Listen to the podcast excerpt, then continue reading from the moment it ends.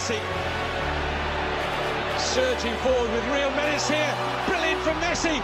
Oh, what a goal that is!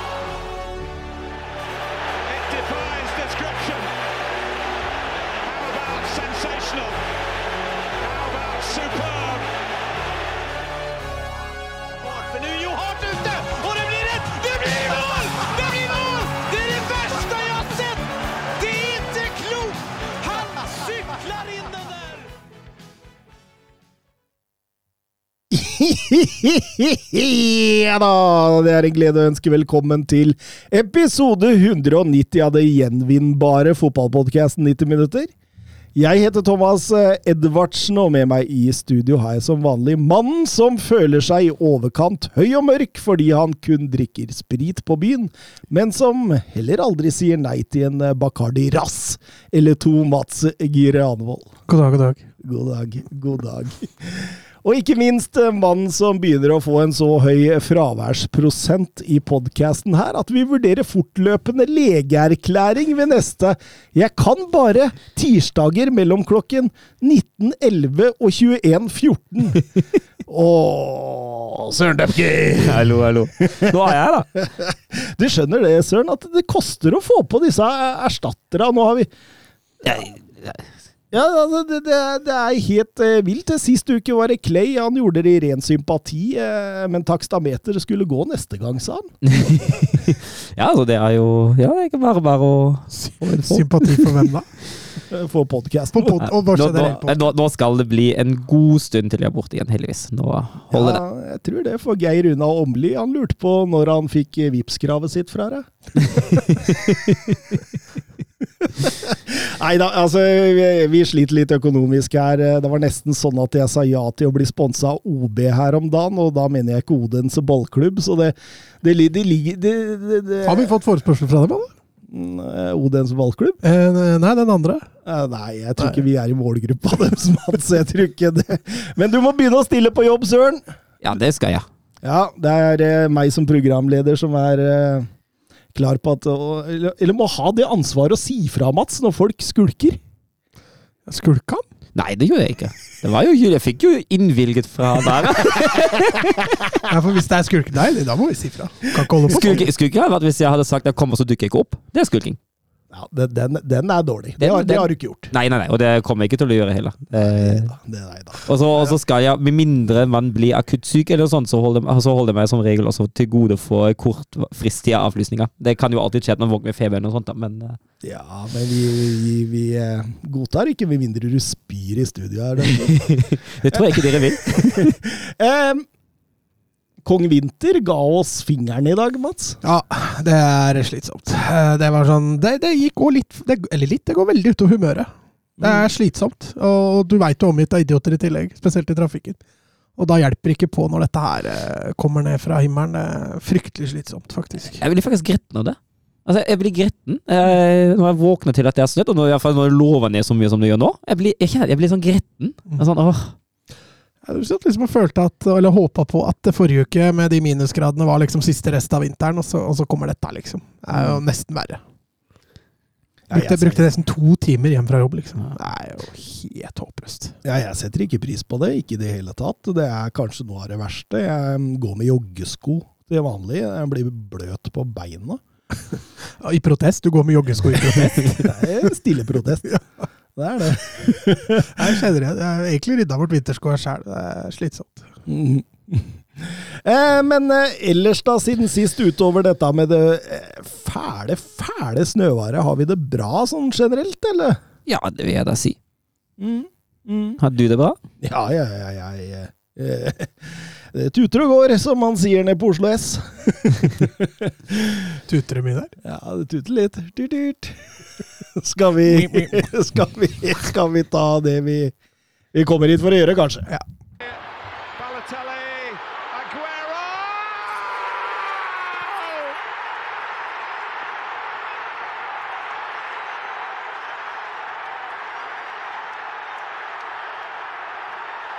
Swear you'll never see anything like this ever again. So watch it, drink it in. They've just heard the news at the Stadium of Light. Vi begynner et uh, Vi begynner med et Twitter-spørsmål i Premier League eh, fra Cristiano Donaldo. Han eh, ønsker at vi skal sette opp hvert vårt five-a-side-lag i Premier League med én keeper, én forsvarer, to midtbane og én spiss. Ja, jeg har tenkt litt på den, ja. Ja. Min keeper er Alison. Uh, god med ballen i beina og alt det der. Viktig med five aside. Uh, så tror jeg tar, som forsvarer tror jeg tar Rom Diaz. Uh, midtbanen det blir Rodri og De Bruyne, og spissen blir Harry Kane. Oi, oi, oi. Jeg tror man har dekket det meste som et five aside-lag trenger. Ok, nå Allison tror jeg er ganske safe. Ehm, men jeg tror jeg hadde tatt Casemiro istedenfor. Da- Han tror jeg er slitsom å møte i five. Han er der hele tida, faktisk. Mm. Han vil være uansett hvor du snur det. Uh, De Bruyne, formen han er nå, eller? Sånn, eh, Nei, som generell, som generell fotballspiller, da. Ikke ja. nåværende form. Stopper? Har man spillende, skikkelig spillende stopper? Lisandro Martinez? Nei. Jo. Nei. Casemiro, Martinez, Romero spiller 3-1. Romero, ja. Skremmer livskiten av Skal bare brøyte seg vei. Nei, jeg tror jeg, jeg tror jeg er enig med Søren på Diaz. altså. Og så vil jeg ha Casemiro på midten isteden. Mm, mm. Ja, jeg, jeg lot meg fascinere av den der nærteknikken til James Madison i kampen mot uh, Chelsea. Kanskje jeg vil ha inn på han, jeg, faktisk. Istedenfor De Bruyne. Og så har Casemiro og James Madison. Det tror jeg kan bli bra. Kane på topp. eh, ja, forsvar.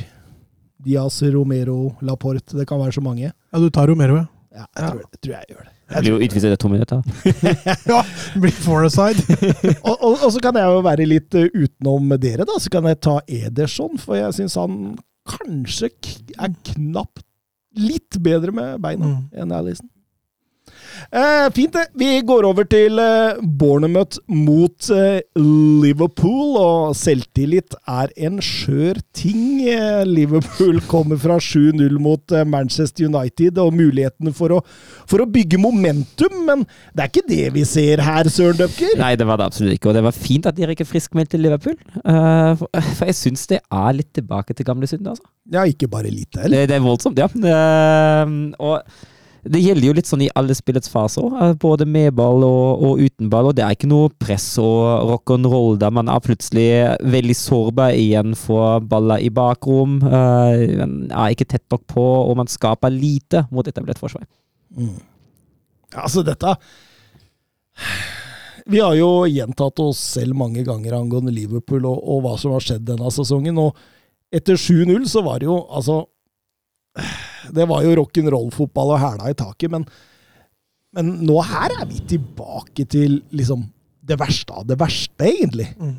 Ja, de skaper fryktelig lite. Eh, De blir til tidvis utfordra veldig på, på kontringen imot. Det vil da si offensiv markering. Sitter jo ikke i det hele tatt. Gjenvinningspresset er eh, altfor store avstander. Gakpo litt tilbake igjen til den der eh, fallgruva han har vært i nå et par matcher, hvor han, hvor han ikke blir til sin rett i det hele tatt.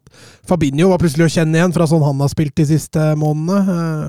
Van Dijk virker jo shaky. Altså, altså det, det, det skorter på, på så mye, da. Eh, og skaper jeg får si såpass lite da, på Bournemouth som de gjør, og Bournemouth spiller jo ikke en plettfri kamp, dem heller.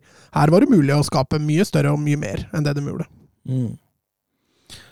Billing setter jo 1-0. eh, Van Dijk gjør vel en to-tre feil der. Alene, bare han. Og så når du også har en feil av Kanoté der, eh, og, og litt av eh, forskjellig, Så, så, så, så Nei, det, det, det, det, det er ikke van Dijk heller. Nei, det ser ikke helt ut som, uh, som den van Dijken vi har sett de siste sesongene. I hvert fall ikke som verdens beste stopper. Langt, langt unna nå. Bernt Olav eh, Gjellegjerde Hansen kaller han eh, fisk på land. Ja, det, I den kampen så han jo litt sånn ut, da. Mm. Ja, det er, det, er, det er Hvis Vi nevnte det vel også i forrige episode, at det kan fort gå på en trøkk mot Bournemouth etter det de gjorde mot United. og det men, men altså, dette her er så flatt batteri. Du ser en, De få gangene det har mulighet til å kontre, så skjer ingenting. De få gangene de har mulighet til å tette avstander offensivt til gjenvinning, det går så sakte. Og det, det, er, nei, det er ikke til å kjenne igjen. Det er, eh, det er flatt batteri. Salah brenner straffespark òg. Ja, det bør jo nevnes. Det, Det er voldsomt dårlig straffespark òg. Det var ikke bare litt brenning ja, der. altså, det var et straffespark som sto til prestasjonen. Mm.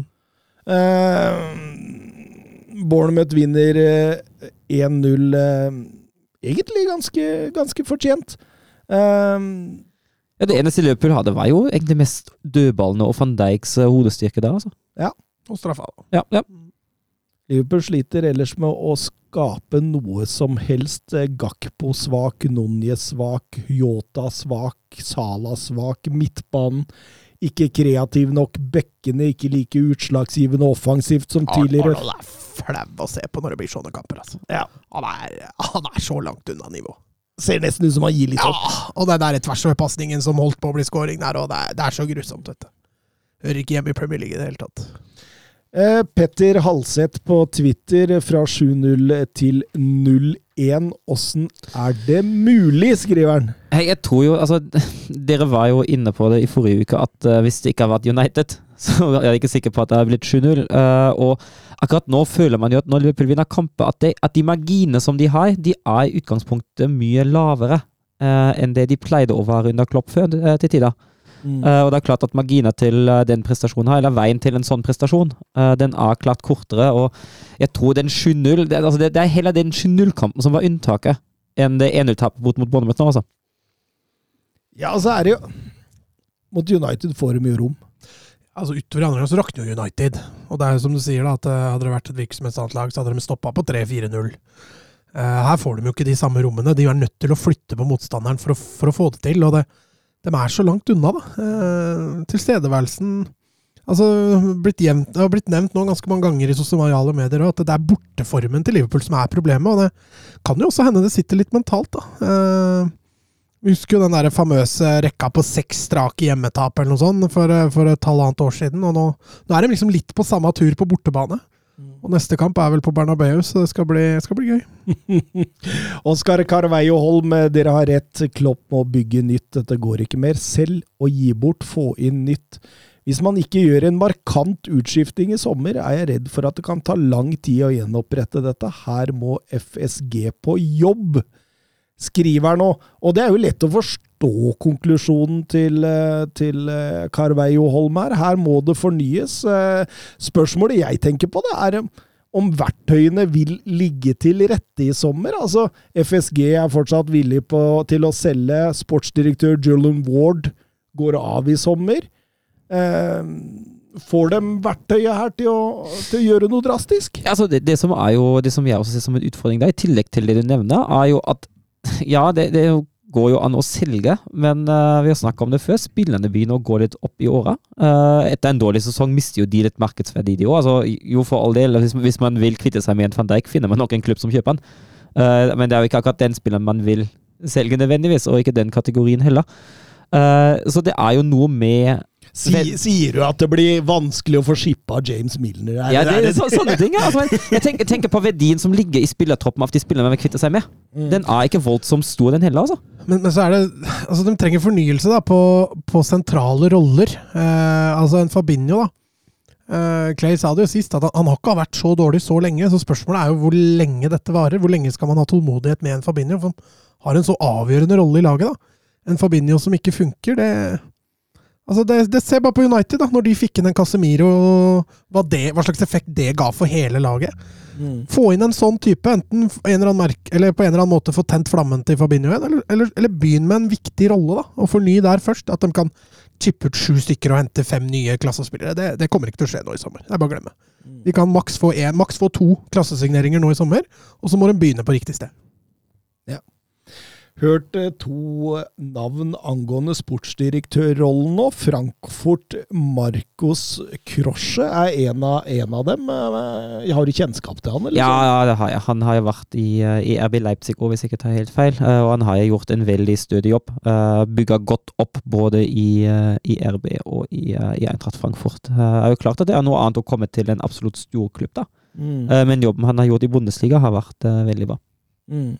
Det er vel han som har henta Kolomani, så det, det, det, det sier jo litt bare det. En, en annen det nevnes eh, litt om, er Monacos Paul Mitchell, altså, Mitchell, altså denne Jason Statham lookaliken, som også har vært innom RB Leipzig og, og ikke minst Tottenham. Eh, Kom vel fra Southampton før det. Så det er, jo to spennende navn, da. Eh, vi kan gå over til Leicester mot Chelsea. Chelsea som kom fra suksess i Champions League i midtuka. og Og 3-4-2-1-formasjonen kan jo ha gitt noen svar, virker det som. da. Ja, så har han valgt å stå ved det nå, da. Eh, Få forandringer fra, fra kampen mot Dortmund eh, tyder på at han kanskje føler sjøl han har begynt å få noe svar. og det... Og, og det ser jo helt klart tryggere ut defensivt. Leicester skaper, skaper ikke så veldig mye på, på dette Chelsea-laget, selv om den på ingen måte blomstrer offensivt. Altså, det gjør de ikke. Nei. Kjørte han Mudrik i nieren?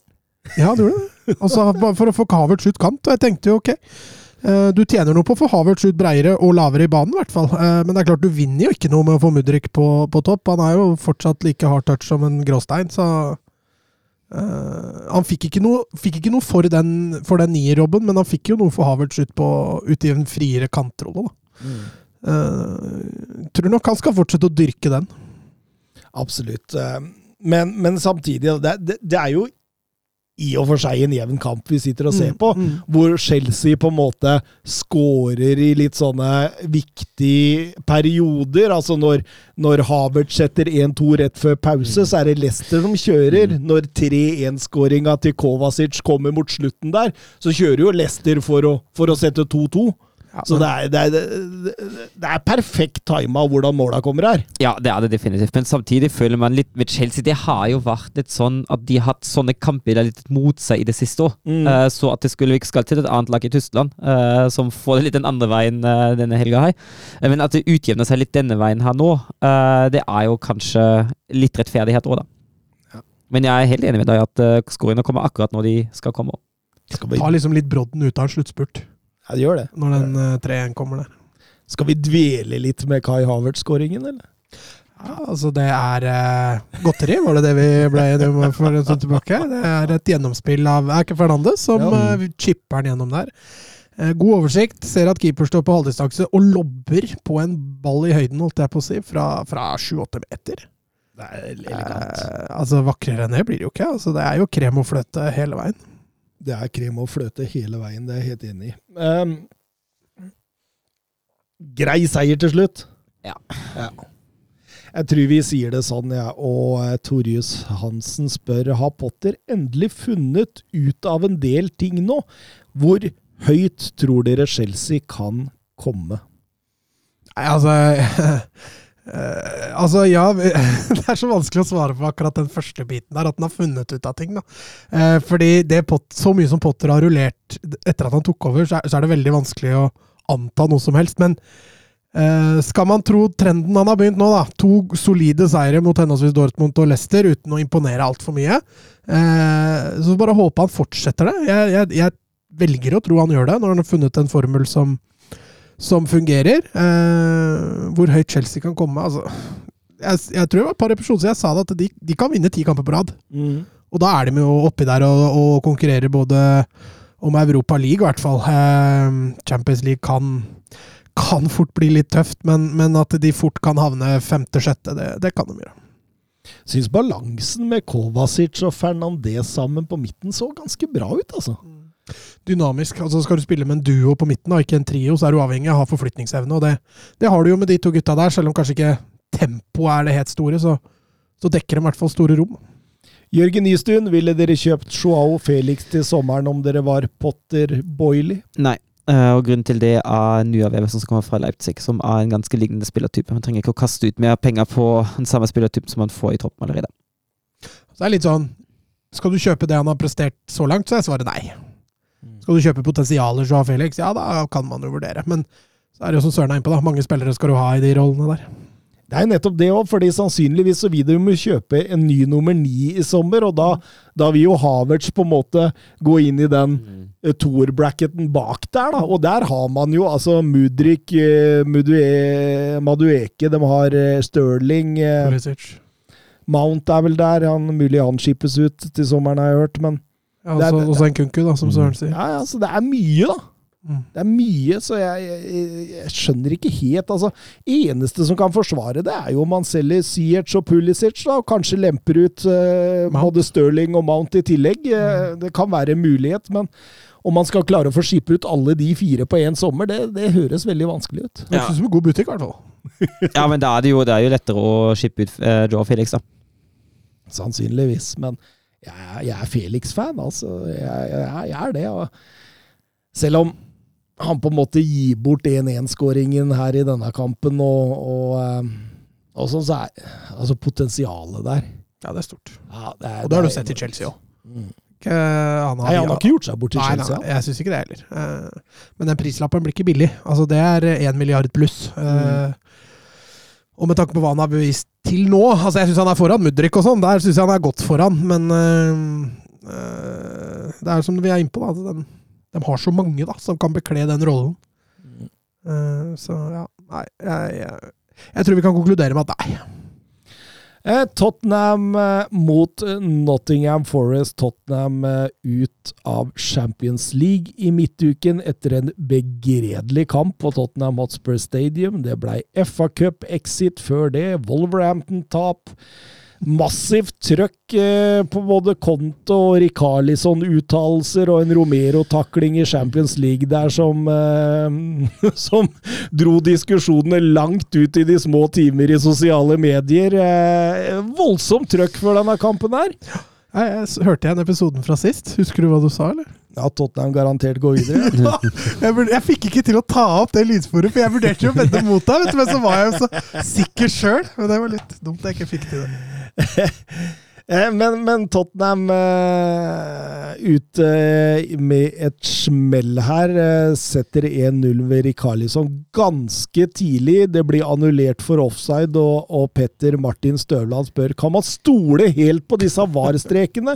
Rikarlison-målet, er det onside? Altså, man kan jo ikke stole helt på de. Det er jeg jo helt enig i. Um, det å stole helt og 100% på hva, det har vi vist Altså, selv på så enkle avgjørelser som offside eller mål uh, Esten ville hilse. Uh, så har jeg jo skjønt at uh, hva kan vi ikke alltid 100 stole på. Uh, om det nå var onside eller ikke. Altså, det er jo små marginer. Men Uh, før den sesongen her så la de jo inn større marginer på offside, gjorde de ikke det? De eh, gjorde det, men De skulle legge en tjukkere strek som gjorde at det blei men, men øyet som ser, ser at Rikarlison er onside der. ja, Men det er jo vinkelen på kameraet som ødelegger det. Ja. For det kameraet er jo lenger ute i banen enn det offsiden blir tatt på. Så jeg, Altså, mitt forslag Jeg skjønner men at det er hvorfor, hvorfor får ikke vi se den vinkelen da? Eh, Jo, men de når- tegner jo opp streker, så var det av samme vinkelen. Ja, de har det. Ja, ja. De bare tegner opp streker der. Mm. Eh, men men det, det du kan trøste deg med, da, altså vær litt naiv. Velg å stole på det! Nei, det, kommer, altså, det blir jo sikkert det samme nå i framtida som det blir i Serie A og VM. Uh, Ja, At man og- kan få den der semiautomatiske og Er ikke det Champions League òg, som har den Jo, der jeg tror det. semi- Ja, jo, jo. Uh, så den, den kommer sikkert til å komme. Uh, og den kommer til å i hvert fall forhåpentligvis nøste opp i den frustrasjonen de streker. For jeg skjønner veldig godt at de er frustrerende. Mm. Eh, det skjønner jeg ekstremt godt. Jeg har vært frustrert sjøl. Men Tottenham har jo kontroll fra A til Å her. Harry Kane setter to i første omgang, og, og Nottingham Forest skaper jo egentlig ingenting. Nei. Det er, jo, eh, det er jo en veldig veldig trygg og solid forestilling for Tottenham. Det her. Ja, det er det. Får 3-0 der, og så slår de litt av. Eh, da kommer Nottingham litt mer inn i det. Hva tenker du om at Richarlison får starte den matchen her etter de uttalelsene? Conte sa det jo sjøl, han har ikke gitt noe, meg noe kritikk. Han har helt rett, det var, er en shit season. så han, han brydde seg ikke så mye om det. Ja, Nottingham får det si Eh, men eh, ja ja. Kunne de eh, satt det straffesparket på overtid der, så kunne det kanskje blitt spennende et par minutter. Men Fraser Forrester har faktisk plukka opp hansken han etter, etter Joris og, og gjør det ganske bra. Og, og det blir i bunn og grunn en meget behagelig seier, sånn egentlig. Mm.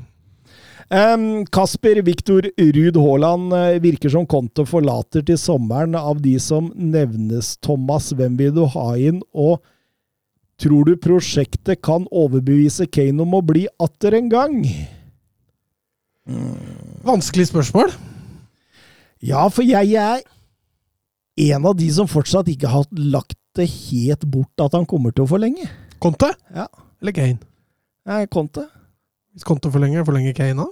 Ja, det kan fort hende. Altså, jeg, jeg mener at dette har vært en one-off-sesong for Conte. Da. Altså, han har mista mange han er glad i, rett og slett. Eh, han har mm, endt på operasjonsbordet. Det har vært mye, mye styr her. Hvis Tottenham ønsker, hvis Conte lar seg rive med av et prosjekt, så ser ikke jeg bort fra at de kan fortsette. Jeg, jeg så gløden i Conte igjen nå mot Nottingham Forest. Han var liksom litt tilbake der man husker han. Så, så jeg, jeg, jeg, jeg vil ikke avskrive den helt, selv om jeg ser alle andre gjøre det. Um, Men hadde du ønsket å fortsette med Conte? Som Ja. Ja, det kunne jeg godt gjort. Istedenfor Pochettino? Ja, jeg, jeg er også en av de som Altså, når du slår opp med dama di, så blir det han eks. Eh, og så går det litt tid. Men hun var jævlig flink, da. ja, hun var det. Men, men, men, men så går det litt tid, og så glemmer man alt det fæle. Og så kommer den lille sånn nyrforelskelsen kanskje tilbake igjen, og så, og så glemmer man helt hvorfor man egentlig gjorde det slutt. Og jeg, jeg, jeg tenker at man er litt der med Porcetino. Da. Ja, men hvorfor gjorde man det slutt med Porcetino? Det var jo fordi resultatene blei dårlige. Ja, men det var jo ikke bare hans sin skyld. Nei da, det var ikke det, men han sitter nå der. Altså, når du har en eks, da, du ikke bidrar noe sjøl heller i forholdet, Jeg snakker jo av egne erfaringer her! ikke bidrar noe sjøl, ikke sant, det blir toveis. Men så, altså, samtidig, samtidig må jo nevnes at uh, Pochettinos tid i PSG var ikke overbevisende, det heller. Så i siste året i Tottenham, og, eller siste sju-åtte måneder i Tottenham, da, uh, og tid i PSG, det har jo ikke vært voldsomt bra, det. Nei. Nei, men det Altså, jeg hadde ikke lagt meg ned og grått i om han har kommet. Jeg er glad i Pochettino, men, men eh, jeg, jeg syns jo Tuchel for eksempel høres litt mer spennende ut. Da. Roberto Di Serbi, kanskje. Eh, Stakkars Brian.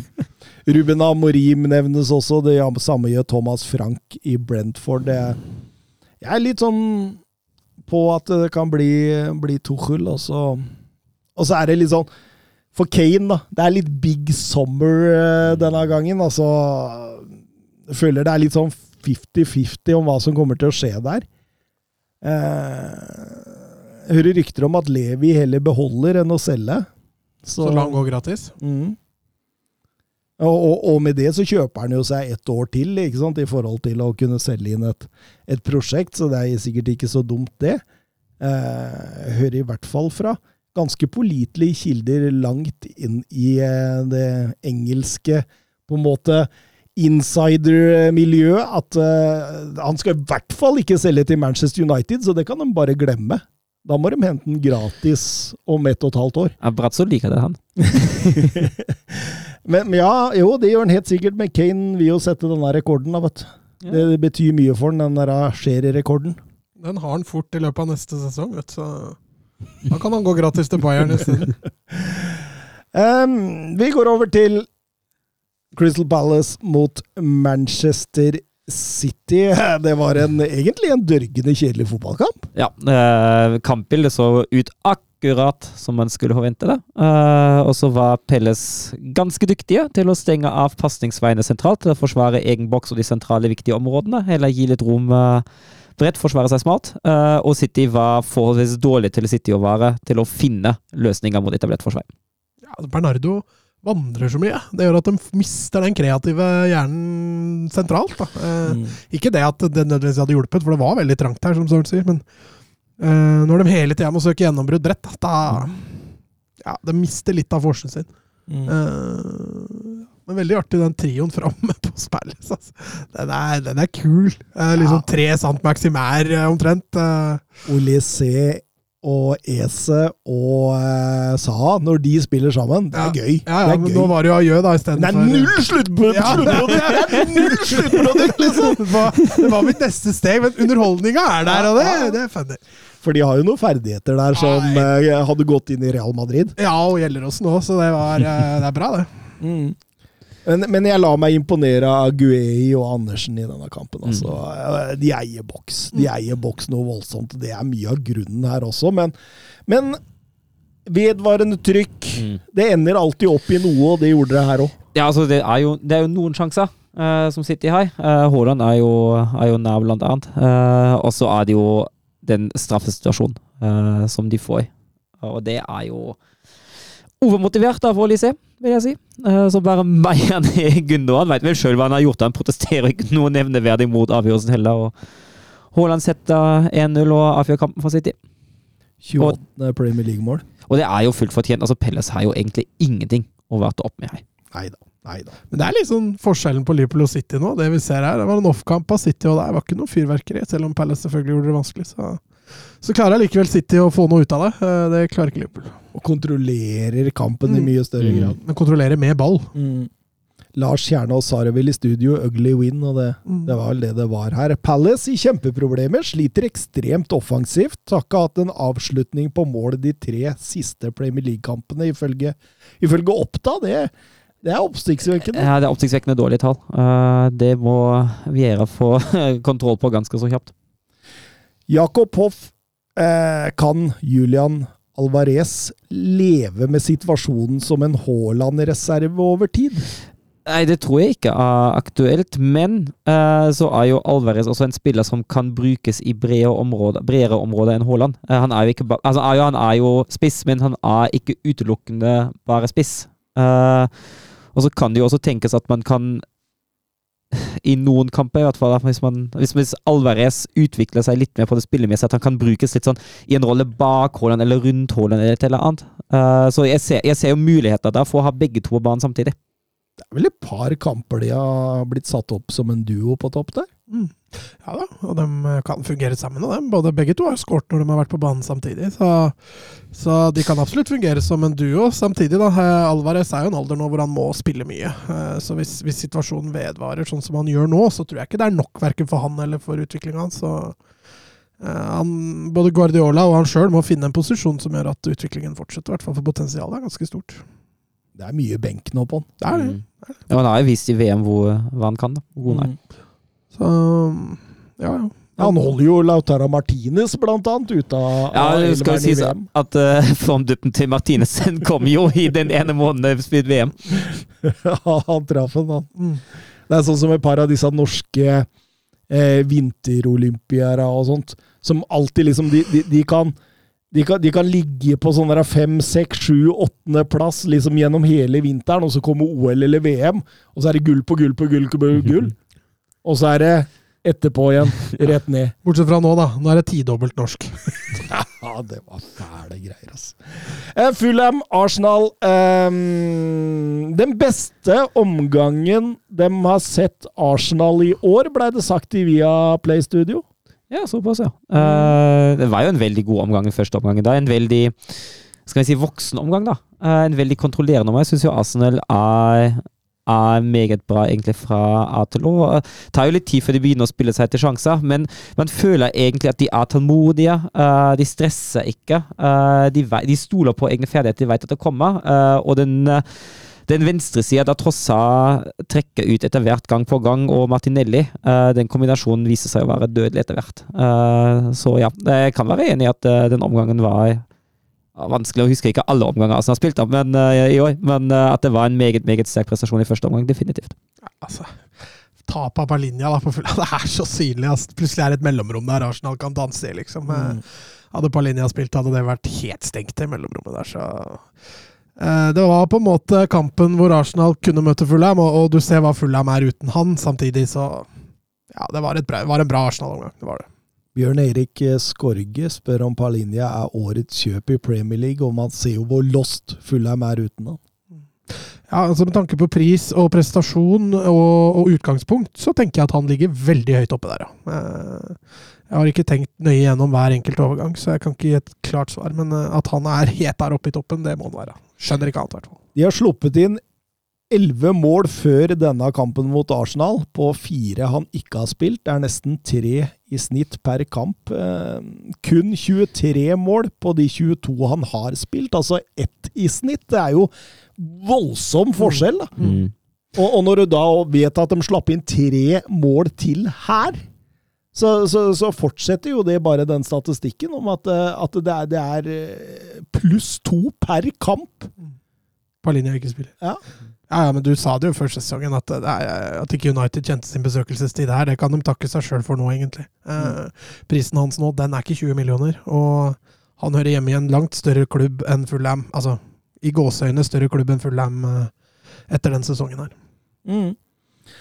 Eh, Gabriel setter 0-1 på corner. Martinelli setter 0-2 rett etterpå, før Ødegård rett før pause setter 0-3 med en litt sånn Altså, Minna meg litt om Øsil. Ja, faktisk. Ja, Enig. Eh, og da er jo kampen kjørt, søren! Trippelassist av seg. Ja, Eh, Sterkt, altså. Eh, ja, og kampen er kjørt. Og det, det, det er andre omgang bare jo tydelig preg. Det blir jo en transportetappe i andre omgang. Det, det, er, det er liksom et par sjanser her, et par sjanser der. Men altså, det, alle, alle som er på banen, vet at den kampen da er avgjort. Hvordan konstellerer han dette når Jesus er full, for fullt igjen tilbake? da? Ja, det blir veldig spennende å, å For nå er jo Trossar virkelig siste to-tre kamper ja, Nå var han vel ute med skade sist, men uh, siste to-tre kamper så har han jo vært veldig bra. Mm. Og Martinelli begynner å finne formen igjen. Saka kommer han jo aldri til å benke. Selv om han ser kanskje ut som den svakeste Ja, akkurat nå, ja. framme der nå. Formen hans, sånn sett. ja. Eh, med denne seieren eh, blir Arsenal den første klubben i historien til å vinne fem strake London Derbyer borte uten å slippe i mål. Det er ganske imponerende. Ja, Imponerende å ha en sånn statistikk, faktisk. Ja, Oppta, vet du. De eh, skuffer aldri, dem, Mats. Eh, Vebjørn Fredheim, Trossaler- Trossard eller Mudryk? Ja, akkurat nå er det jo helt klart for seg. Men jeg syns vi skal gi Mudrik litt tid. Eh, Trossard har jo et bedre utgangspunkt med tanke på at han kommer fra Premier League. Han har hatt lov til å akklimatisere seg i Brighton. Eh, han er en mer erfaren spiller på det nivået. der. Mudrik er ny i Premier League, så jeg syns det blir Jeg synes det blir litt urettferdig eh, å kjøre den sammenligninga her nå, mot Mm. Mudrik, da. Ja, ja. Men, eh, men jeg skjønner jo hvor Vebjørn vil. Ja, ja, ja, helt altså, ja, ja. Arsenal ville gi 80 for den. Mm. Ender opp med 24 for Trossar, som ser jo ut som antar nivå. Eh, Men Trossar visste de jo litt hva de fikk. Eh, Trossar var på billigsalg. Altså, Trossar hadde ikke kosta 24 hvis han hadde hatt tre år igjen av kontrakta si. Eh, Så nei, akkurat nå ser det ut som Arsenal har kjøpt gull framfor Chelsea, i hvert fall. Tre assist i kampen, altså, Trossar. Det det er første gang siden Santi Cazorla eh, at eh, man finner en spiller i samme sesong som har hat trick i både mål og assist. Hat tricket kom eh, riktignok for Brighton. Mot Eh, Liverpool, mot. Liverpool i oktober. ja. Jan Mæland. Em, City litt dårlig i form, og Arsenal uh, tilbake i form. Er det fortsatt 80-20? Nå gikk jeg vel ned Ja, du gikk jo ned sist, da. 75-25, sa jeg. Mm. Du vingla noe veldig sist, faktisk. Men jeg står der. Du, står, du har ikke vingla mer? Nei, altså for noe av årsaken er eh, Europa. Uh, Ja, for du så Arsenal sparte jo ikke veldig på kruttet mot Sporting. Nei, de gjorde ikke det, og de kommer ikke til å gjøre det nå igjen. Og det blir en sånn torsdag-søndag. Ofte får City en hviledag ekstra av å spille Champions League. Uh, disse Europa League-kveldene, altså, de, de kan koste, de. Eh, en annen årsak eh, er at Arsenal går inn i en voldsomt tøff eh, aprilmåned. Liverpool borte, eh, Westham borte. Manchester City borte, i tillegg til Chelsea og et hardtkjempende Leeds inn i miksen der også. Så får de faktisk Newcastle tidlig i mai. Så det, så det, er, det er en tøff avslutning de får her etter hvert, altså. Så eh, De har fem poengs luke, da. De har et feilskjær. Ja, den, den kommer på Etiad, så jeg tenker de har to poengs luke. Eh, men, men veldig imponerende det Arsenal gjør, ingen tvil om det. Altså, det, det, det er et fotballag der, og, og eh, Martin Ødegaard, han, eh, han imponerer meg voldsomt. Han imponerer meg voldsomt. Du ser også når laget ikke tar noe særlig hensyn til ham, da får han så veldig god plass. Og da er Martin Ødegaard god. Da er eh, strålende. Vi går over til Manchester United mot eh, Southampton. Et Southampton som henger godt med, med fra start her, Mats, og, og har et par gedigne sjanser òg. Ja, det frisparket der til Ward Prowse, det er Mm. gigantisk, altså. Han er så god på frispark. Altså, når frispark innafor 25, det er kjempesjanse når Ward Prowse slår. Jeg er så imponert altså, over den frisparkfoten hans. Eh, Men, men jeg er enig, de eh, slurver litt. og Spesielt etter at de blir redusert til, til ti mann, så får jo også Southampton gode arbeidsvilkår i kontringene sine. Så eh, det var en veldig underholdende 0-0-kamp. ja, og, og man kan jo bare lure på åssen han hadde blitt 11 mot 11, men, men Casemiro får eh, rødt kort etter ca. en halvtime. Jørn Henland Og eh, det var vel også flere som var ute og, og lurte litt på dette røde kortet. Eh, hvorfor er det ikke en eksisterende rød tråd på skikkelige taklinger når, når ting blir mer rødt og ikke rødt? Ja, det var vel en i, eh, i Leicester-Chelsea òg, som var litt lignende, var det ikke? Pereira. Ja, ja. uh, Soleklart rødt. ja, ja jeg, tenker, altså, jeg, jeg tenker jo det samme. Jeg tenker at det Casemiro gjør, det fortjener et rødt kort. Uh, at det ikke er en rød tråd, det syns jeg er tragisk, særlig når VAR er involvert, eh, og det ikke er dommeren sjøl som tar avgjørelsen. Eh, da er det enda lettere å faktisk ta den samme røde tråden på de avgjørelsene der. Eh, men jeg mener at det er feil å ikke utvise for sånne taklinger. Det er ikke feil å utvise. Jeg syns det er helt riktig at den blir utvist. Med knottene Ja, ja, først i ja. skinnleggen. Altså det det er liksom Nei, eh, Pereira fikk ikke rødt kort, så da skal ikke du få noe. Det, er- det, det, den eh, kjøper jeg ikke. Eh, Så må jeg flire litt av Ten Hag, da, for han sier jo at, at spillere kan ikke regla snart, fordi det er så mye inkonsekvent dømming rundt dette her. Og så, altså, hallo! Knotter rett i legg.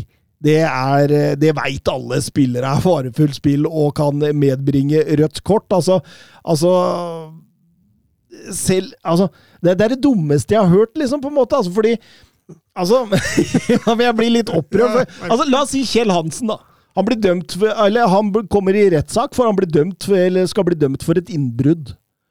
Eh, eh, men av en eller annen grunn så blir han ikke dømt. Han blir frikjent i retten. Selv om bevisene ligger der. Ja, men han Det er videobevis til og med. ja, men han blir frikjent. Eh, Det, det skjer jo. At eh, folk som gjør innbrudd, de, de blir frikjent. Det er jo ikke dermed sagt at jeg da skal begynne å stusse over regla og vurdere innbrudd.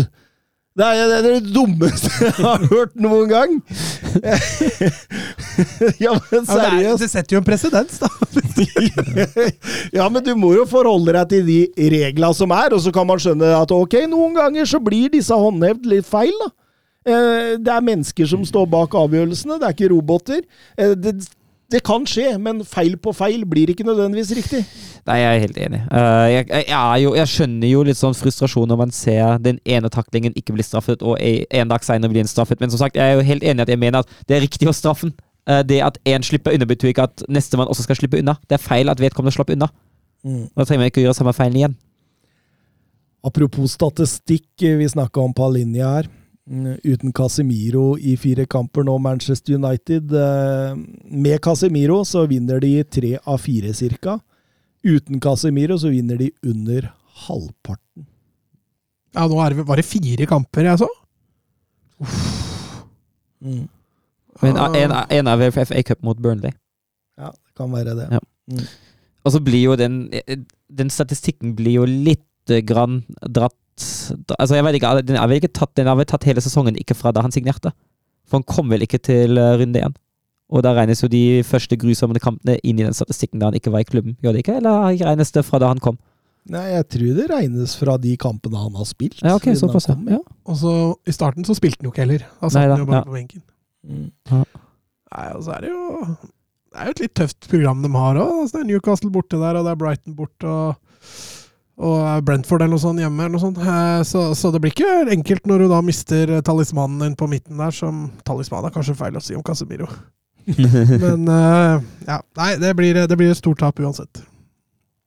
Og, og, og, og Twitter-veggen min den var tapetsert av misfornøyde Manchester United-fans etter denne kampen her.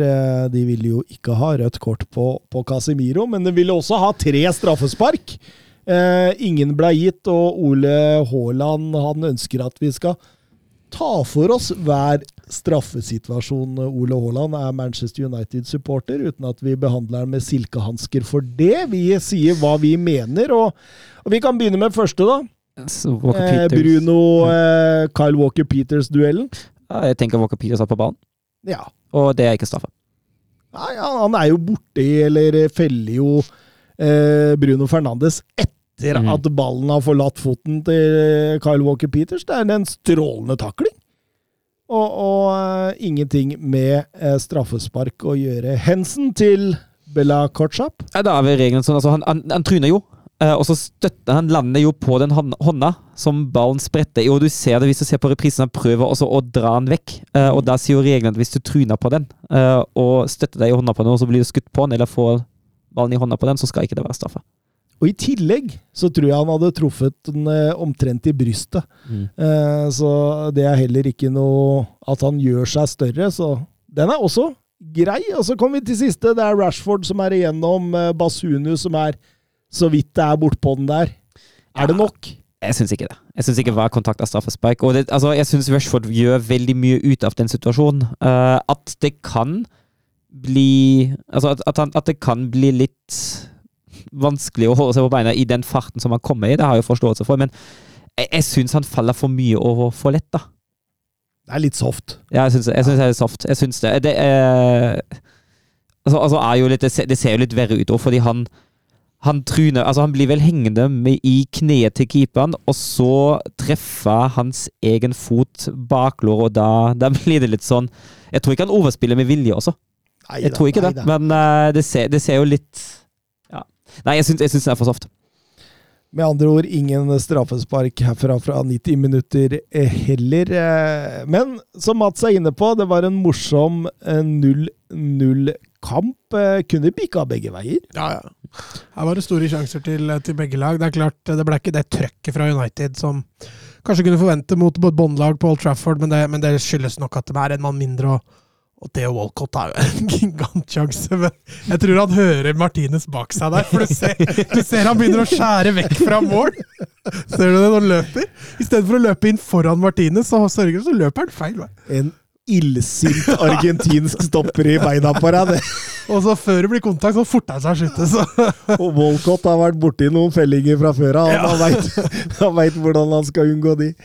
Eh, Men 0-0 United taper jo dermed terreng, og er vel Altså, vi hadde dem jo så vidt inne i en slags sånn liten mulighet for gullkamp her for noen uker siden, men den er helt borte nå. Den er, de ligger på 0% igjen, ja. Hadde dem på fem, hadde jeg ikke det? ja, ja. Jeg tror vi alle hadde den på fem. ja.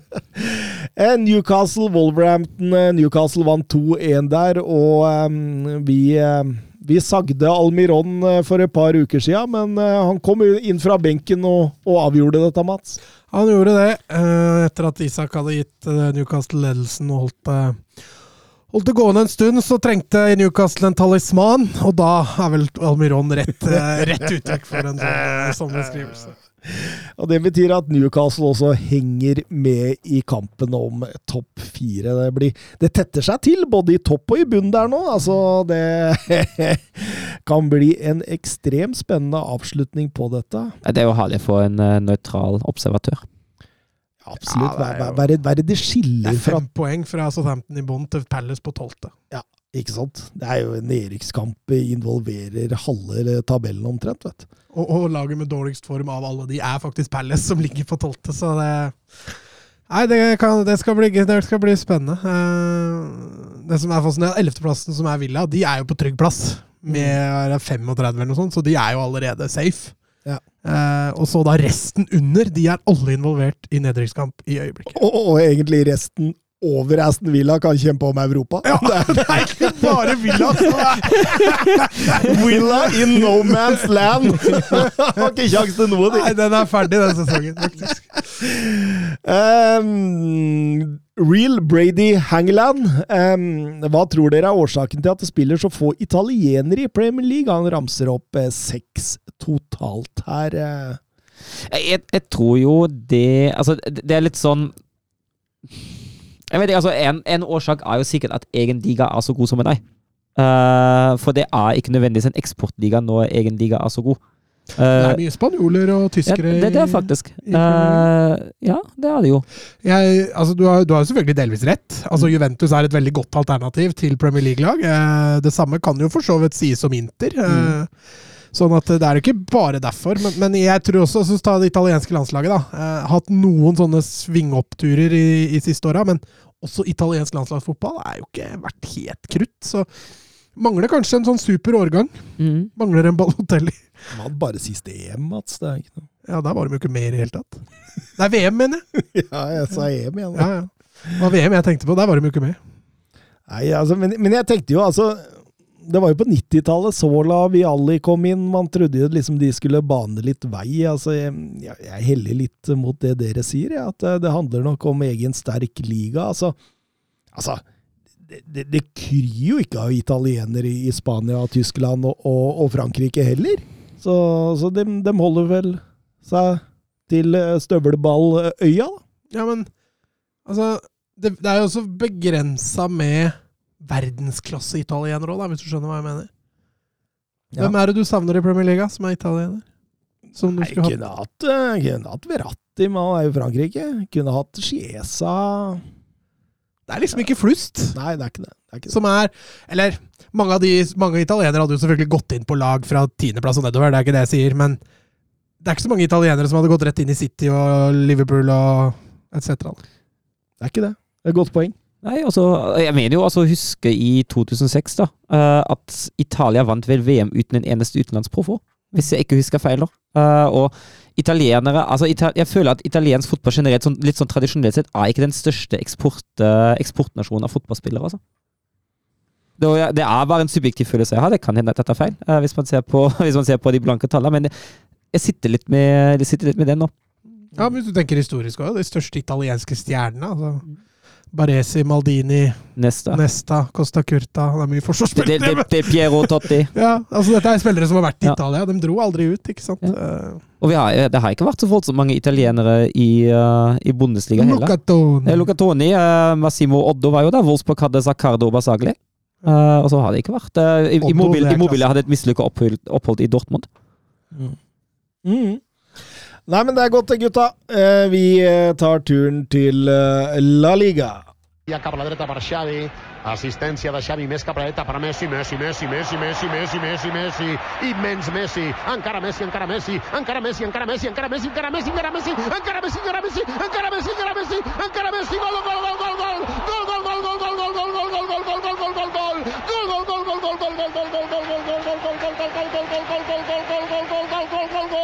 Eh, Vi begynner eh, rundreisen i Spania med, med Ja, vi stopper opp på Santiago Bernabeu, eh, Real Madrid, eh, Espanjol. Og vi kan vel begynne med et Twitter-spørsmål fra Gustav eh, Horndal.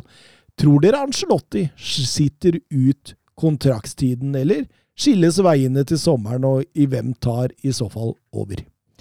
Jeg tror, altså Følelsen nå er at han sitter videre. Jeg tror han har veldig godt renommé. Det er klart, mislykkes man i Champions League, La Liga og Copa del Rey, da, som han ligger veldig dårlig an i Champions League er kanskje det trofeet de ligger best an til i øyeblikket. Eh, Så kan det hende det blir en litt annen tone. Eh, Fordi et troféløst år for en trener i Real Madrid, historisk sett, så er du ferdig. Ja, men jeg, jeg tror han har litt å gå på med tanke på Champions League-gull forrige sesong. Ja, Men det skulle man tro med Capello òg, når han vant.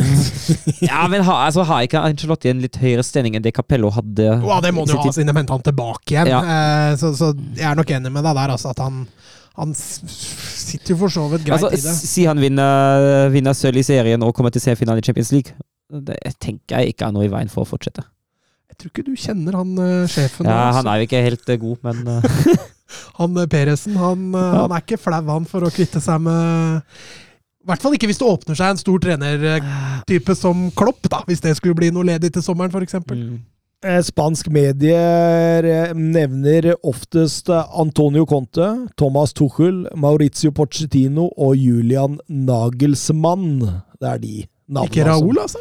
Oftest går inn. Nei, jeg har ikke sett så mye Raoul, men det, det er jo mitt valg. Ja, også litt for romantisk for Peres. Det er ikke, det er ikke nok nok. saft i det trenernavnet der. Altså. han, han- han må ut og, og Ja. vinne det double et eller annet sted og være litt sånn Ja, Han må ha en Galacticos-trener også. Du kan ikke finne på noe sånn ræl og hente noe fra eget. Nei, nei, nei. men, eh, men hva tenker du om den shortlisten, Søren?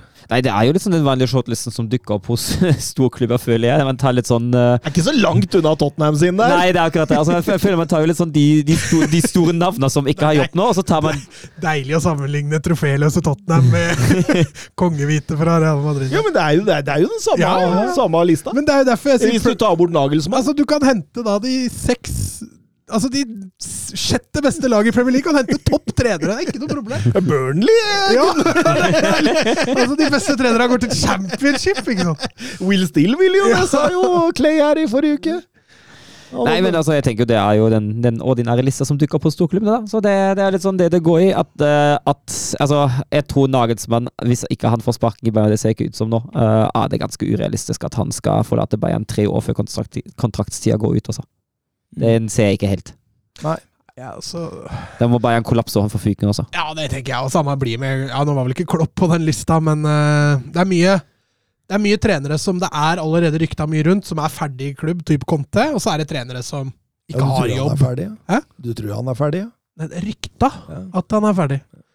Uh, eller så er det de som ikke har jobb, da, type Tuchel og, og Mm. Pochettino. Så Men uansett, alle det var jo store navn som er Galacticos, som fint kan ta en sånn jobb. Mm. Mm.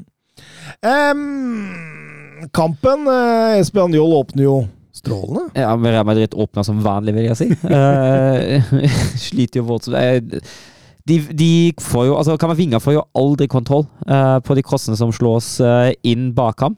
Uh, og en av de leder jo også til ledelse, men jeg er helt enig i at den kommer ikke ut av det blå. Uh, Spanjol som har vært det klart beste laget også før de skårer. Mm.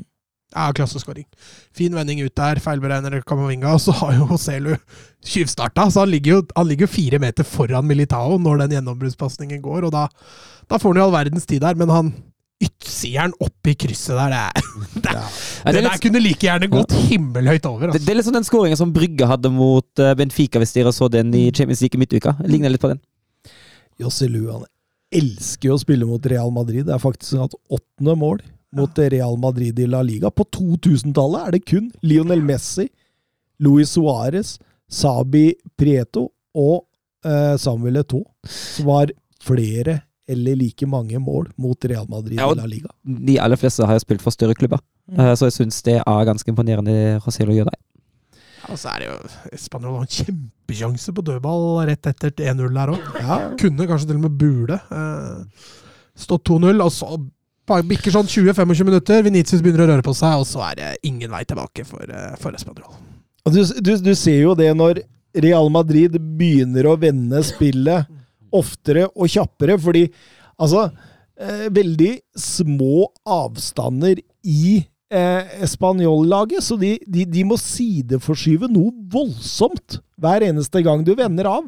Og det, det, det åpner jo ganske store rom. Ja, og så, og så blir det jo sånn også, da. Du, du er nødt til å spille ett ledd med fire mann eh, minimum, og da da blir det gjerne rom enten i bakre ledd eller i midtbaneleddet. Eh, og når du da, også Rodrigo syns jeg melder seg veldig bra på utover i den matchen. her, og, og da får du liksom, du får trusler fra alle kanter, da. Eh, så nei, det var egentlig bare tidsspørsmål når du så åssen Real Madrid begynte å diske opp der. altså. Ja, Venitius Vinicius eh, nydelig 1-1 der. Og så ser man den litt mørkere siden av Vinicius junior der, når han får gult kort for å, å hindre en overgang. Hvordan han hånflirer av, av dommeren og, og, og gjør nærmest dommeren dum. Kaster ned seg ned i bakken i oppgitthet og himler med øya. og ah, altså, mange, mange dommere tror jeg faktisk som kunne smelt opp det, kort nummer to der, for, for, for den reaksjonen på det. da. Ja, han kan, og kanskje bør, straffe disse høye herrene for det. Ja, men altså, jeg vet ikke, altså, jeg føler jo alltid at Real Madrid og Barcelona har litt ekstra å gå på. Ja, de har litt fakter. Ja. Mm, Det er jo ikke noe rart når de driver og betaler dommere. Aldri, aldri hørt det. Men eh, Real Madrid, eh, det er jo som dere sier, de får jo kontroll her. Militao setter 2-1 rett før pause. Det Og, Nyd- Innlegget der fra Nydelig. Å, herregud. Det det er godteri, det òg. Utsida der. Eller noe. Modric-itch. Ja. Mm. Modric-itch.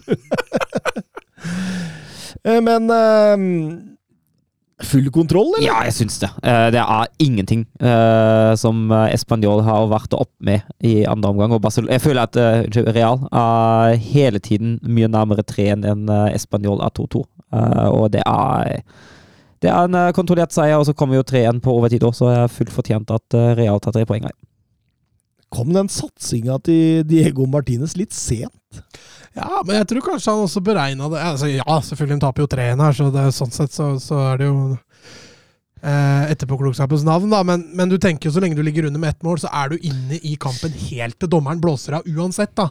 Og da er det når skal du begynne å ta risikoen på Santiago Bernabeu i en kamp hvor du egentlig ikke har vært i nærheten. Eh, jeg tenker at det for så vidt er greit.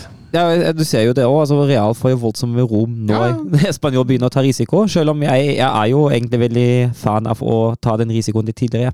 Ja, det skjønner jeg, og sikkert supportere til Spanjol kan ikke ha vært veldig fornøyde, dem heller. Men jeg tenker jo at så lenge de kontrollerer, i gåseøynene, da, kontrollerer med én under, så er det bare én situasjon.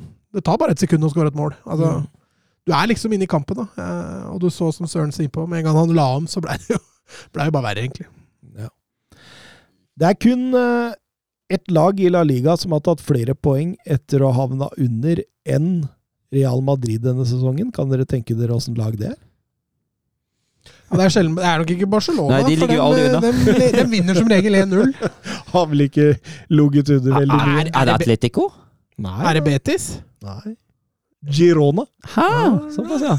Ja, den så jeg ikke komme. Eh, Vi går videre til Sevilla mot eh, Almeria. En must win for Sevilla. Vant 2-0 i, Europa League mot Fenerbahçe i midtuken. Kunne bygge videre på den. Møter et Almeria i, i, i svært dårlig form, så så, så, så var jo tross alt favoritter her, eh, men Almeria?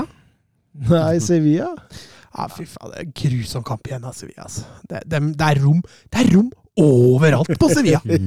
Det er, helt, det er merkelig å sitte og se på dem spille fotball. Altså, de, de, de kan angripe bredt. Bak, sidelengs, baklengs. Altså, det, det er, går fint an å skape ting på, på, på dette Sevilla-laget her. Eh, og den ene feilpasningen de var på vei framover der. Uff, jeg, jeg- jeg, det er nesten litt sjokkerende å sitte og se på dette Sevilla-laget. havner jo under tidlig 0-1 også. Det er jo demoraliserende. Altså Nøyaktig 100 sekunder ut i kampen er det tidligste bortemålet til Almeria i La Liga noensinne. Eh, Altså, og det hjelper jo ikke på tynnslitte nerver, det. Nei, og så skaper de jo så godt som ingenting i første omgang. Det er noen, eh, noen litt sånn kan vi, kan, kan, kan vi kalle det for halvsjanser? Noen avslutninger eh, som kommer fram til det blir straffespark på overtid. Men jeg Det, syns det er en del avslutninger, men det, ja, det, Men eh, jeg syns, eh, syns den første omgang de har, er også ganske begredelig offensivt. Eh, det blir jo bedre etter pausen, riktignok, uh, men første omgang, den, eh, den er det bare å glemme. Ja, den får det straff. Altså, veldig rutinert av Telles der, når han setter ut beinet. kommer seg foran. Ja, åh, Det er så rutinert og deilig å se på. Eh, han veit han får straffesparket der, så det er bare Og, og, og sikker fra, fra 11 meter der, og, og det trengte Sevilla der. Eh, Gått inn i pause med 0-1 her, tror jeg hadde vært blytungt for slitte nerver, som du sa, og det, det tror jeg fort redder alle poengene, men, men utover i andre kunne fort ha vært 3-3, altså. Ja, det var, det var voldsomt fram og tilbake der. Eh, Jeg har lyst til å rose Dimirovic. Han gjør en strålende kamp. Ja, han har en redning der aleine der, den er, den er klasse. Den er, den er sterk. Så han han en til deg. Det var når Gudel spiller bort ballen helt umotivert. Eh, rett i beina til Toré der, som bare banker av gårde. Han vil en til mot Suárez og mot slutten. der, så. Men eh, det blir Sevilla-seier, heldigvis for Sevilla. Erik Lamela der eh, Kan vel kalle det en halvveis Spurs-scoring, det der, med, Jeg kan med, ikke kalle det en helveis uh, Spurs-skåring. Ja. med utlånt Tottenham-spiller uh, Bryan Gill, som legger nydelig inn på hodet til uh, tidligere Tottenham-spiller Erik Lamela, som, som stanger inn eh, 2-1 og seier. Uh, Riktignok fortjent. Eh, eh, Ja, ja. Sett spill og sjanser Mm. under ett, men Det er klart det, altså Den brenner jo også flere altså Suso der kommer aleine med keeper, med Brian Gill på åpen kasse og velger å skyte eh, skrått der. altså Der kunne man jo punktert kampen. Eh, så overall så vinner jo Sevilla, men, men altså dette er mot et båndlag som nesten ikke vinner fotballkamper. Eh, og så ser det så åpent ut. ja, vi har vel sendt dem ned, i hvert fall jeg og Søren. Ja, dere har sendt han, og, det, og det ser jo ikke bra ut der eller for Almeria, men eh, det Sevilla viser her, det, nei, det er i hvert fall ikke noe topplag verdig. Det ble løsna 41 avslutninger i denne kampen. 27 til Sevilla og 14 til Almeria. Det er det høyeste totale antallet i La Liga denne sesongen. Og, og jeg, jeg tenkte på det, på mange måter så gir det mening. Eh, Sevilla blir jo tvunget fram av å ligge under 0-1 tidlig i kampen. Og når man i tillegg da er såpass svake defensivt da, som man er, som eh, laget Sevilla er, så så, så, så, så var det jo ikke noe bombete med den åpninga at det blei eh, høy, høy XG utover week her. Nei da, det var ikke det. Uh, og, og Nei, det var som jeg sa, dette kunne vært 3-3-4-4 utover i andre omgang der. Eh, det, slusen åpna seg for begge lag, egentlig. Vi drar til Baskerland Athletic Club mot Barcelona. Barcelona ja, en reell berg-og-dal-bane fra Almeria-tap og, og exil, exit i eh, Europa League til seier mot Real Madrid og, Og også en viktig 1-0-seier mot Valencia sist helg. Vanskelig bortebane, denne San Mames, så, så, så man skjønte jo at det her kunne det egentlig bikke begge veier. Ja da, Barcelona har, eh, de er ikke bortskjemte på San Mames, dem. Altså, de, er en vanskelig bane, øh, og, og et uh, Bilbao-lag som riktignok ikke har, har den største formen inne heller, så, og, sånn at Man ante jo at dette kunne bli en litt sånn derre her skulle Bilbao vise seg fram igjen. Og det starta litt sånn. Barca blir trykka ganske langt bak tidvis. Bilbao god i andreballspillet. Veldig direkte. Setter opp trusler, spesielt bak Sergi Roberto med, med, Williams. Han får tidvis veldig god plass, men de greier liksom ikke å skape det helt store. da. Og når hun først gjør det, så er jo Ter Stegen levende vegg bak der. altså. Det er ingenting som kommer forbi. Så, og når Rafinha da får muligheten rett før pause, der strekene var mot Tottenham på for Richarlison, så er de absolutt mer Rafinha der. Det, den er hårfin. Den er hårfin, ingen tvil om det. Du ser til og med dommer viser det. At ja. her bruker vi så lang tid, for her er det, er det marginer. Men, men, men, det som imponerer meg over Barcelona i første omgang, det er at hvordan de eh, etter hvert, da, utover i første omgang, der får kontroll mm. ved å bruke possession. Mm. Altså, det er ikke så mange lag som klarer liksom, altså, Du sliter, og så klarer man likevel å, å, å på en måte Uten å gjøre noe særlig taktiske endringer, så, så klarer man liksom på, på en måte, i, i, form av den ballsikkerheten laget har, da, til å ta ut brodden av, eh, av Atletic her. Det er voldsomt imponerende å se på. Ja da, og, og, midtbanen en vesentlig faktor her. Gavi, Busquets, de Jong veldig flinke til å transportere ball, veldig flinke til å skaffe seg rom. Uh, og, og, gøy å se Christensen nå. Som, han spiller jo med voldsom pondus for tida. Uh, slår jo brystpasning til, til Stegen der. han, han, har vokst litt i Barcelona. Ja, han har det. Uh, og denne kampen ble spilt uten Arojo også, så Barca var ikke helt på nett, eller på nett var det, men den var ikke helt fulltallig bak der. Så jeg er enig med deg hvordan Barca kontrollerer matchen utover, også i andre omgang òg. Ja, utenom de siste ti-tolv. Ja, da blir det litt panisk. Men, det, men det, det, har vært litt sånn med Barca. da. Denne sesongen har det, har det glidd. Mm. Eh, neste sesong glir det nok ikke. Da slipper man fort inn et mål på, på slutten av disse kampene. Det var jo, altså, Den der er på overtid, og Nico Williams bommer på ball fra fire-fem meter der. Og så er det vel Besicce som fanger og, og, og, får et skudd på. Nydelig Terstegen-redning der, men returen går rett i Goroseta der. Eh, som Alonso redder på strek. Den er jo, den er jo enorm, altså, på overtid der. X-gen på den. Den er ganske høy, aleine. Men The Grinding Barcelona vinner 1-0 for niende gang denne sesongen. Det er kun sluppet inn åtte mål på 25 kamper. Det er, det er, det er ekstremt, altså! Ja, det er voldsomt gode tall. Ja, selv for et Barcelona-lag i en La Liga, så er det, det er voldsomme tall. Ja, altså Det er rekord, det, eh, på denne, altså denne fasen av, av sesongen eh, i La Ligas historie. Mm.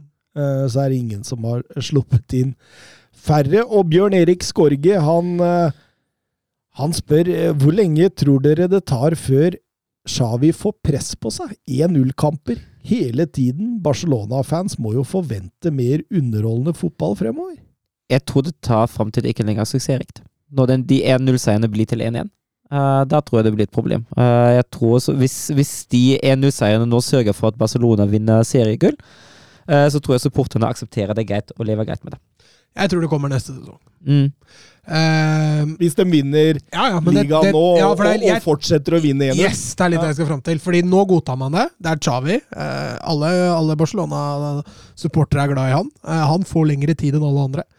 Eh, men skulle disse 1-0-seierne fortsette neste sesong, kanskje de til og får noen 1-1-kamper, sånn som Søren er inne på, at plutselig går det litt, så tror jeg det kan fort begynne å murre.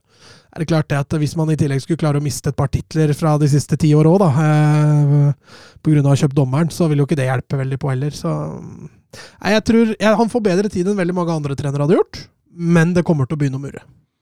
Ja, fordi det handler jo det handler om litt om identitet, og det, jeg var jo inne på det på på Twitter angående Tottenham, uten å, å, å, sammenligne Tottenham med Barcelona, fordi det altså støv i pokalskapet kontra eh, Champions League-gull og La Liga-gull. Det, det, går ikke an å sammenligne, men, men selve, selve, greia, da. Uh, Tottenham, to dare is to do.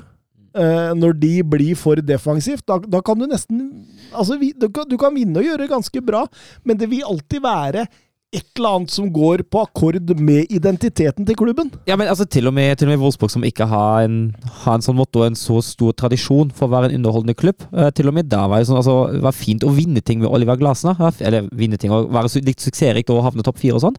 Men til og med da snakket man jo om at vi spiller egentlig ganske dårlig fotball sånn sett. Eh, Men i troféskapet til Wolfsburg er det jo mer enn i troféskapet til Tottenham. de, de, de, de siste i, i, ikke, Ikke historisk, totalt, men de, de siste ti åra. Det, det stemmer, det.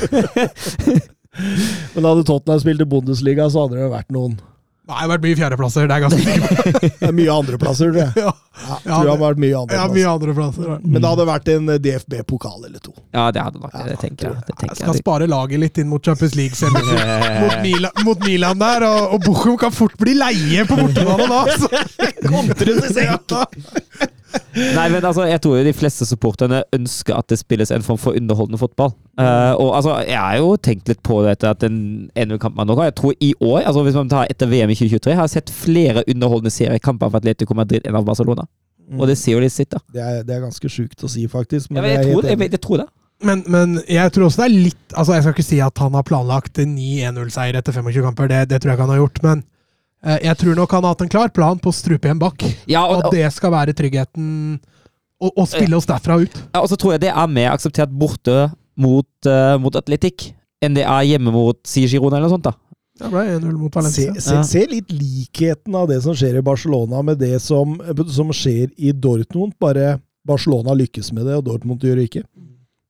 Um, Arojo var jo suspendert til denne matchen. Eh, Steffen Hansen eh, spør Dere sier jo at Arojo er verdens beste stopper for tiden.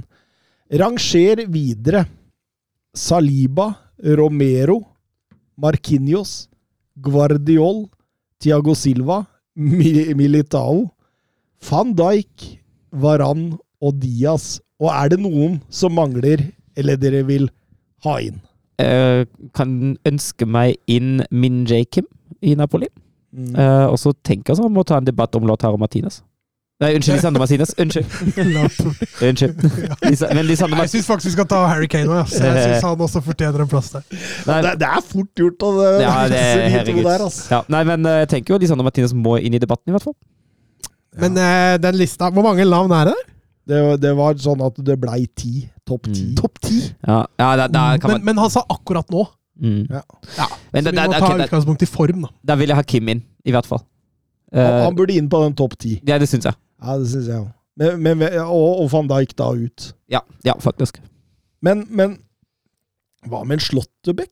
Eh, Hva med, hva med en uh, Opamecano, Delict, Rudiger De har jo vært gode. Kondé. Ja. Ja. Christensen? Kanskje Christensen burde vært inne i topp ti nå? Ja, ja, jo, jo. Altså, hvis du skal ha med Slåttebekk og sånn, så er jeg enig. Da bør Christensen også nevnes. Jeg, sy jeg syns jo De Ligt særlig i det siste har vært, eh, har vært veldig veldig Ja, god jeg er helt enig med De likt, ass. Ja. Ja. Upamecano av erfaring vil jeg ikke ha med han ennå.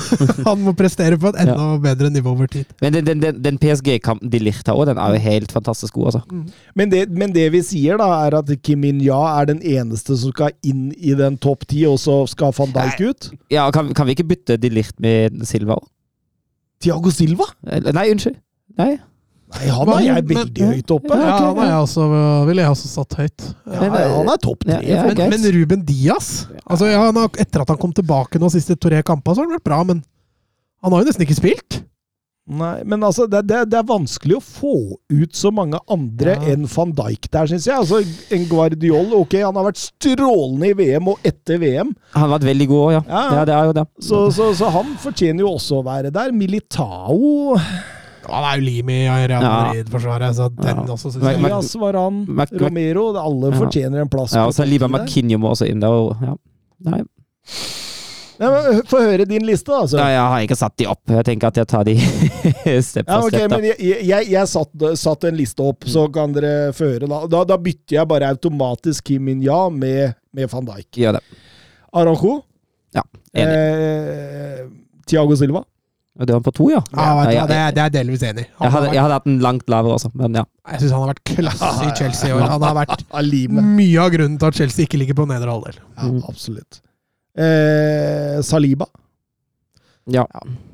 for så vidt enig. Ja. Selv om han har hatt en liten down. Ja, Enig. Eh, Varan. Ja. Ja. Romero.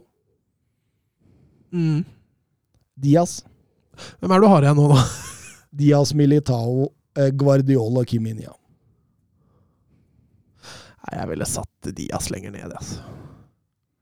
Ja, vi ville du hatt noen andre innenfor Nei, nei, nei, ikke nødvendigvis, men jeg Men synes, du ville hatt den på 9.-10.? Ja, jeg tenker for, Med tanke på at han har jo vært bra de siste to-tre kampene, det er ikke det? Men Men, hvis vi sier Varan, Romero, Militao, Guardiol, Kiminia og Diaz ja, nei, nei.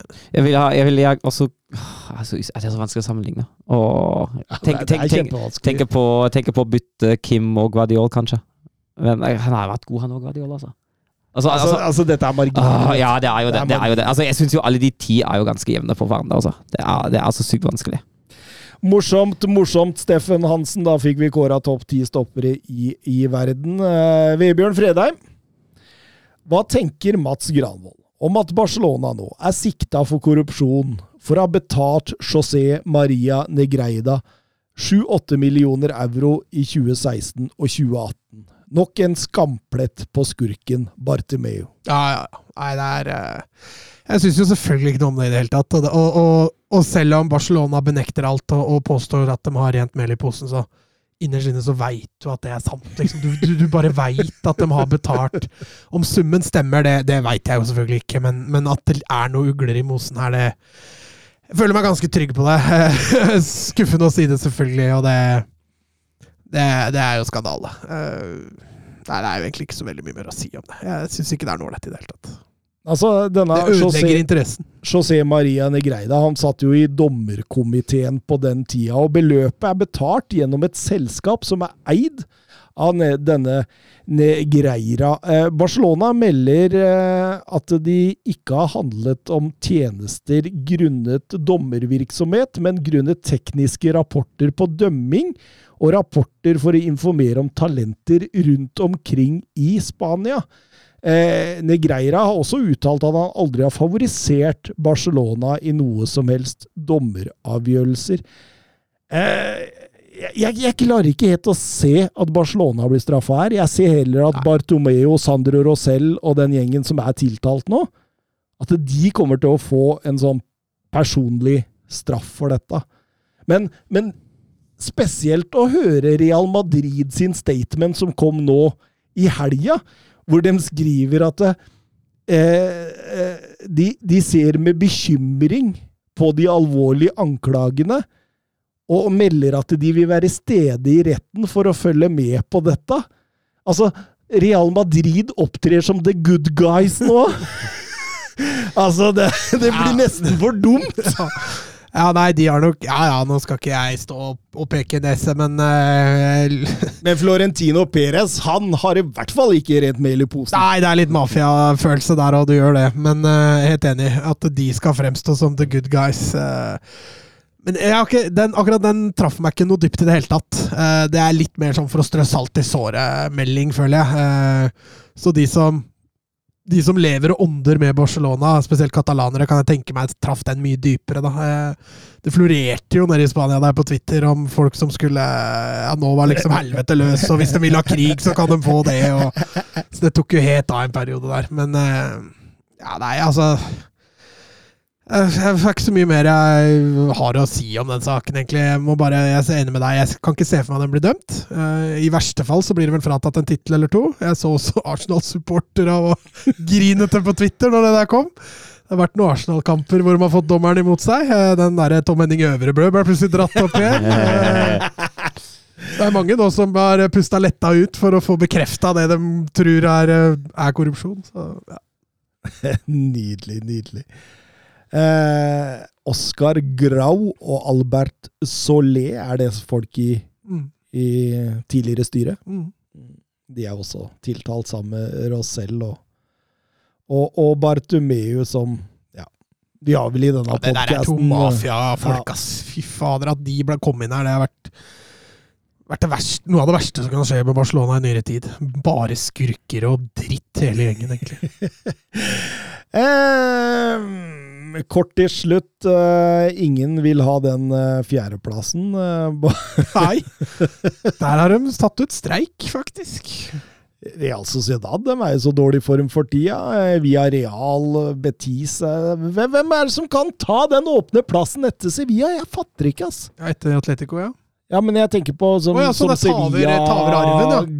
gir fra seg. Mm. Nei, altså, akkurat nå så er det vanskelig å, å si én spesiell eh, et spesielt lag som skiller seg ut. Altså, Sociedad har jo fortsatt en bitte liten luke da. Villarreal har jo faktisk sju poeng de må ta igjen, så de Hvis jeg må si noe nå, så står det jo mellom Sociedad og, og, og Betis, men dette er to lag som varierer voldsomt. Altså Sociedad med én seier på siste seks eller sju nå, det er jo det, det er ikke Champions League-takter over det, og Villarreal også Jeg skal si at Betis taper jo ikke i La Liga, da. Det er jo en kjempefordel.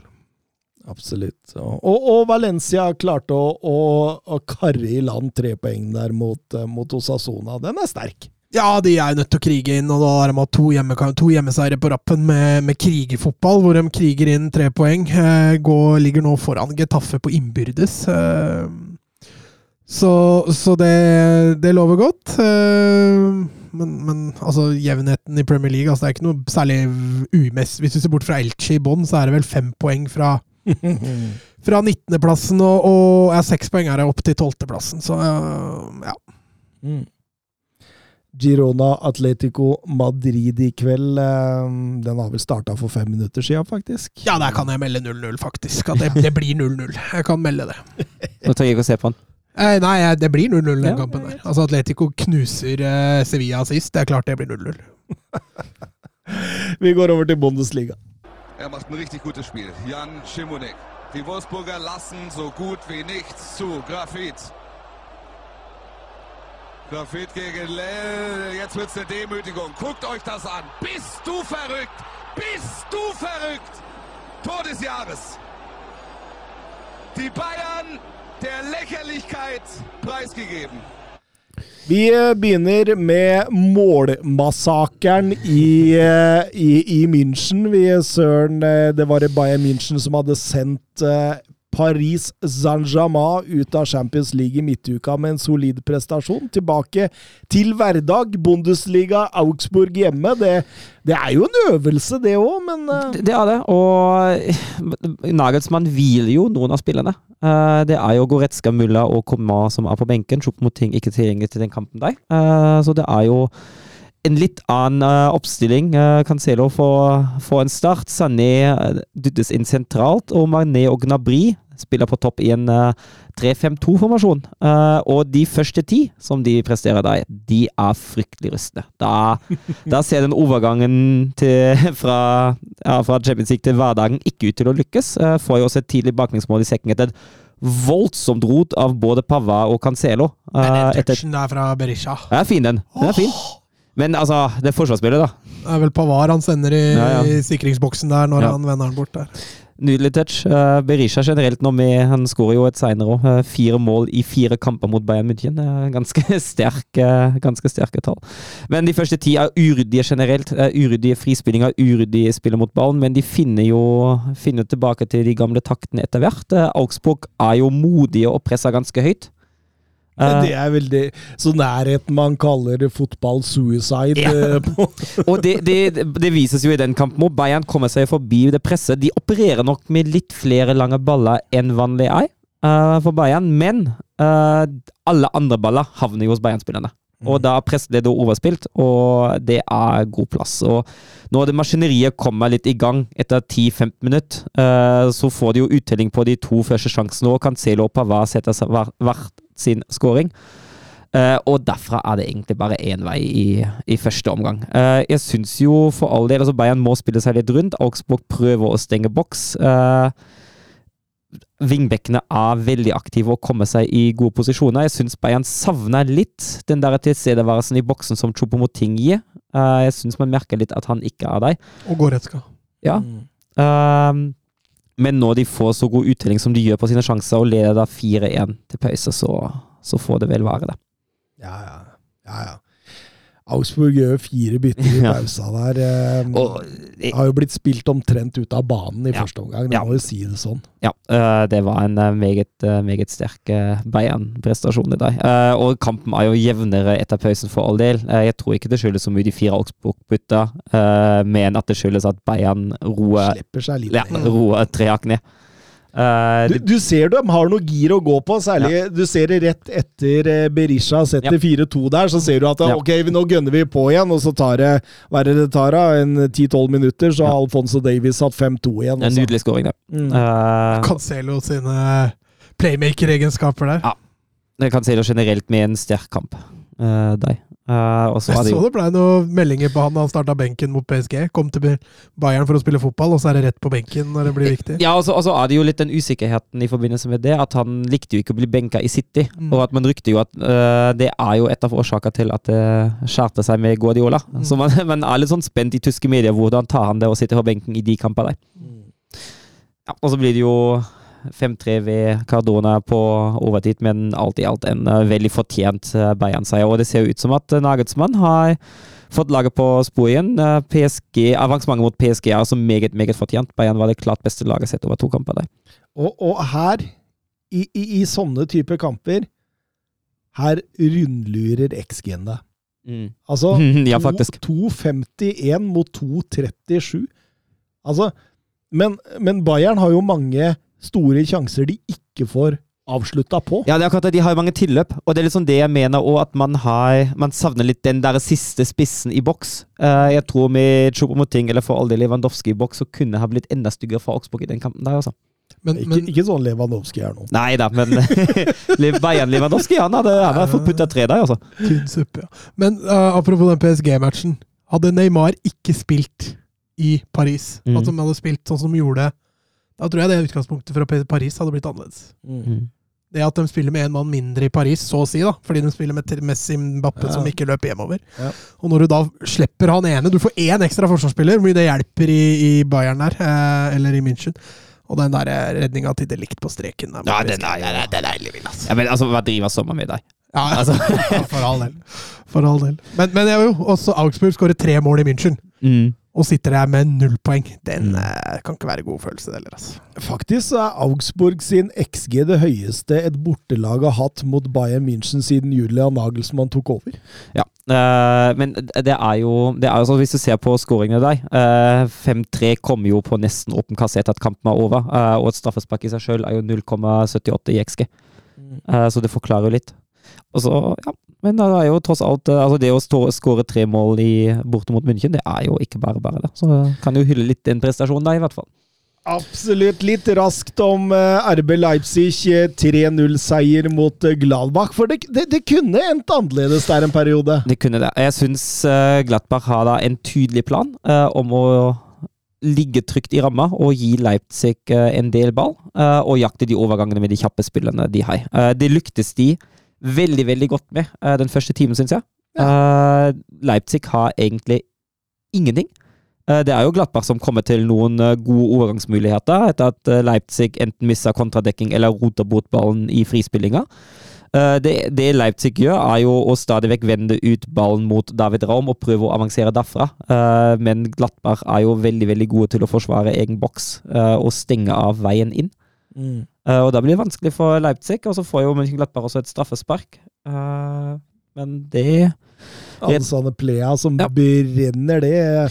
Altså, Blasevic holder den! Det er veldig sjelden du, du, du ser at keepere holder straffesparket. Men det er ikke et godt straffespark til deg.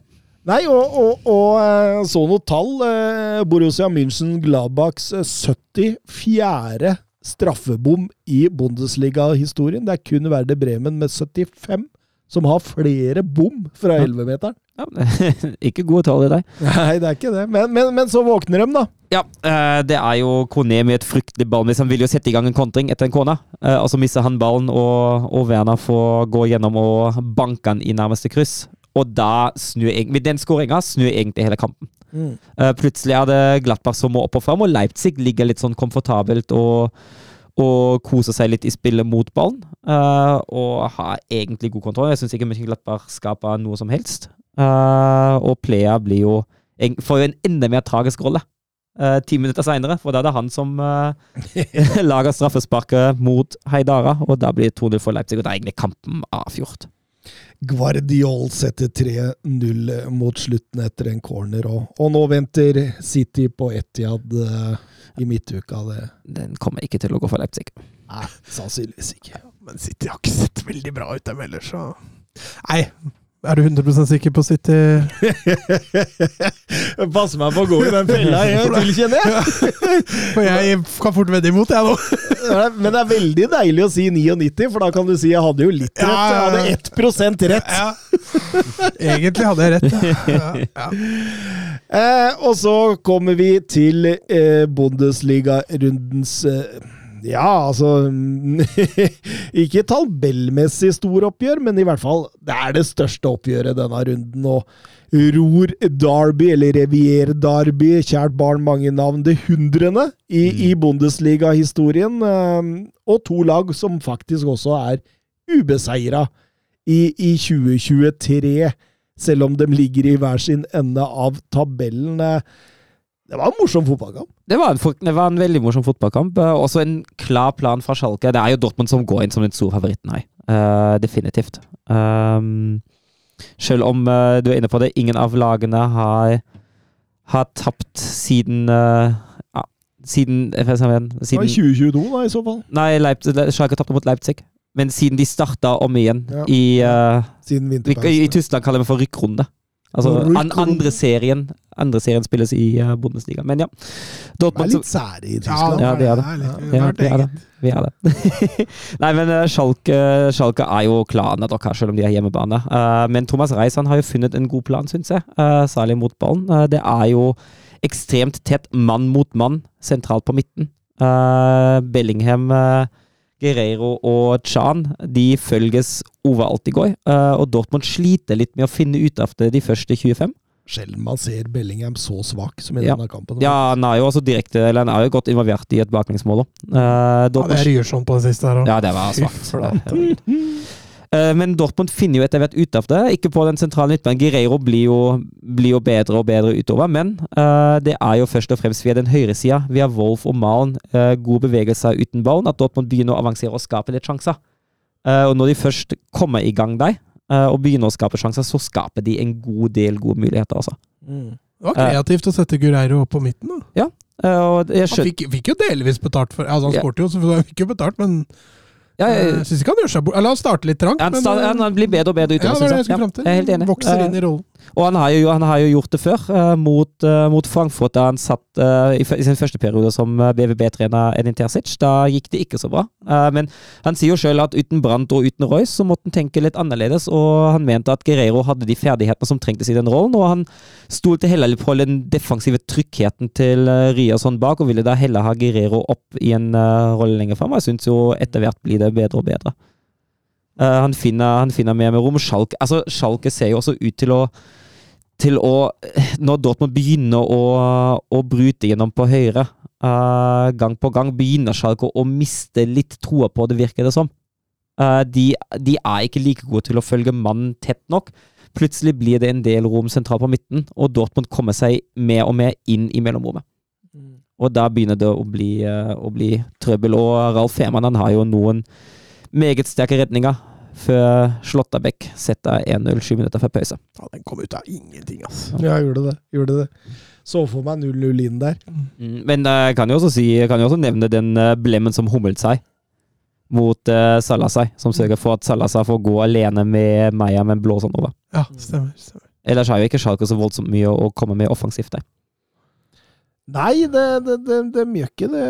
det Jeg syns de gjør en bedre annenomgang, Ja. Sjalke. Schalke. Og, og, jeg må jo få nevne det òg.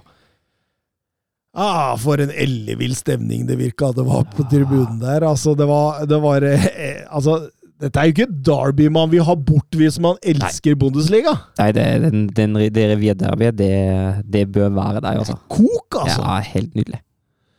Men eh, ja, eh, Schalke kommer jo mye bedre ut i, i, eh, i annen omgang. For en tidlig eh, scoring ved, ved Bylter. eh, Ja, den- Bellingham som misser Ja. ballen svakt i frispillinga der. Gjør det, og, eh, Salazar til Frei der, som spiller på tvers til Bylter, som, som setter 1-0 på, 1-1 på lengste, og snubler over kamerastenger, og, og Veltins Arena eksploderer i Ja, det var voldsomme scener. Ja, voldsomt. Det var fint. Altså, ikke at han snubla, men eh, alt annet fine scener. Schalke, sist Schalke skårte mot Dortmund, var Brele Embolo i, i 2019, så det Mm. Ja, en stund siden det.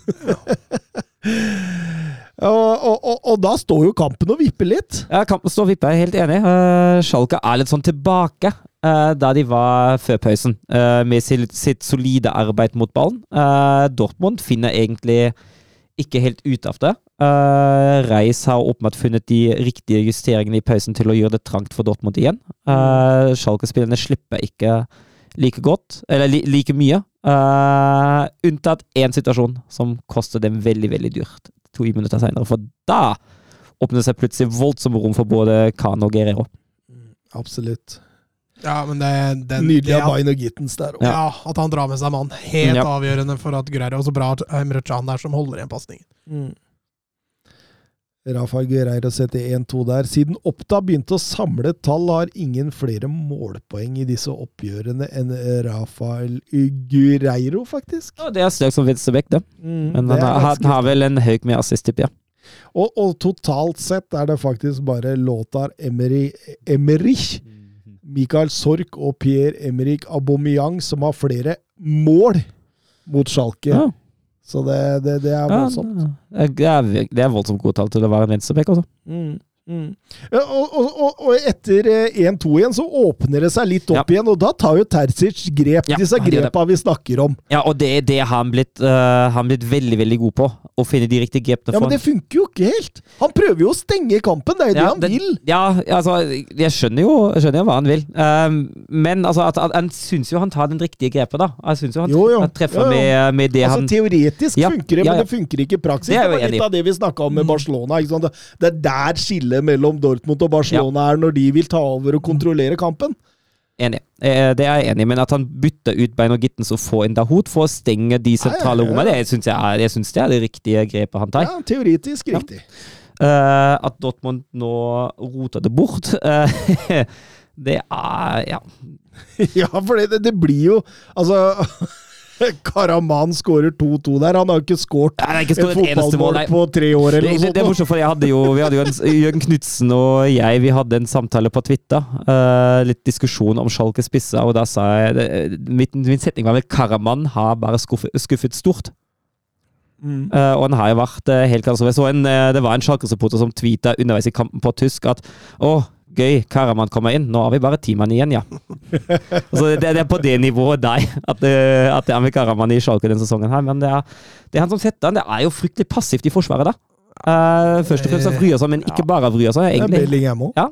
Ja, klarer ikke å tracke ned der. Klarer Nei. ikke å Og det, det er litt sånn, altså Nå er jeg jo ikke overbevist om, uh, om hvor god Terzic egentlig er, og jeg mener fortsatt ikke at han nødvendigvis er den optimale treneren for Borussia Dortmund, men akkurat den syns jeg kanskje ikke kan lastes ham og det grepet han tar, da. Nei, det, det, altså, det er det som er så jækla vanskelig, fordi det, man, man sitter igjen og så tenker du at man skjønner hva de vil, Men men det er så ofte de ikke får det til. Ja, Men det, det, det, det, som, det som man heller kan laste ham da for, er at jeg føler at Dortmund etter at de får 2-1, og at nå vet de at ok, nå må Schalke opp og fram, at de jakter ikke det tredje målet som avgjør den kampen her. Uh, 100% altså. Nei. Det blir litt for passivt uh, med ballen og når man har eventuelle kontringsmuligheter. Mm. Og det ender jo 2-2, og den nevnte Jørgen Knutsen, som du er inne på her, han eh, skriver noen ganger er fotball strålende vakkert. Elleve grovarbeidere fra Gelsenkirchen løp ræva av seg og ble belønnet med et meget velfortjent poeng i Revier-Derby mot Dortmund. Hva overrasket dere mest? Schalkes laginnsats eller Dortmunds evne til å avgjøre kampen? Nei, jeg føler Schalke har jo vist litt det som de har vist underveis. At de er ubehagelige uh, å møte særlig i spillet mot ballen. Uh, at, de, at de skårer to mål, er ikke akkurat hverdagskost. Det det gjør de ikke voldsomt ofte. Uh, selv om de har gjort det litt nå i det siste. Ja, man begynt nå. Ja, vi, mot både Stuttgart, Bochum og nå Dortmund. Ja, Eh, men det er jo mest, mest det der defensive. Eh, den innsatsen som de, som de gjør, den, den ser litt velkjent ut nå under Thomas Reis. Eh, jeg syns jo Dortmund vi var litt inne på det mot Chelsea. Det er litt omvendt. Jeg syns Dortmund har hatt litt marginer på sin side. eh, de siste kampene, og at det poengtapet kom. At det kom noe mot Schalke, hvis du ser på sjansene sett under ett, er det kanskje litt, litt uheldig for Dortmund, for Dortmund hadde de største og fleste sjanser. Eh, men at det nå At de da marginene ikke er på Dortmunds side nå, for en gangs skyld, det er kanskje litt på tide. Men er du fortsatt sikker på at Schalke ryker, det?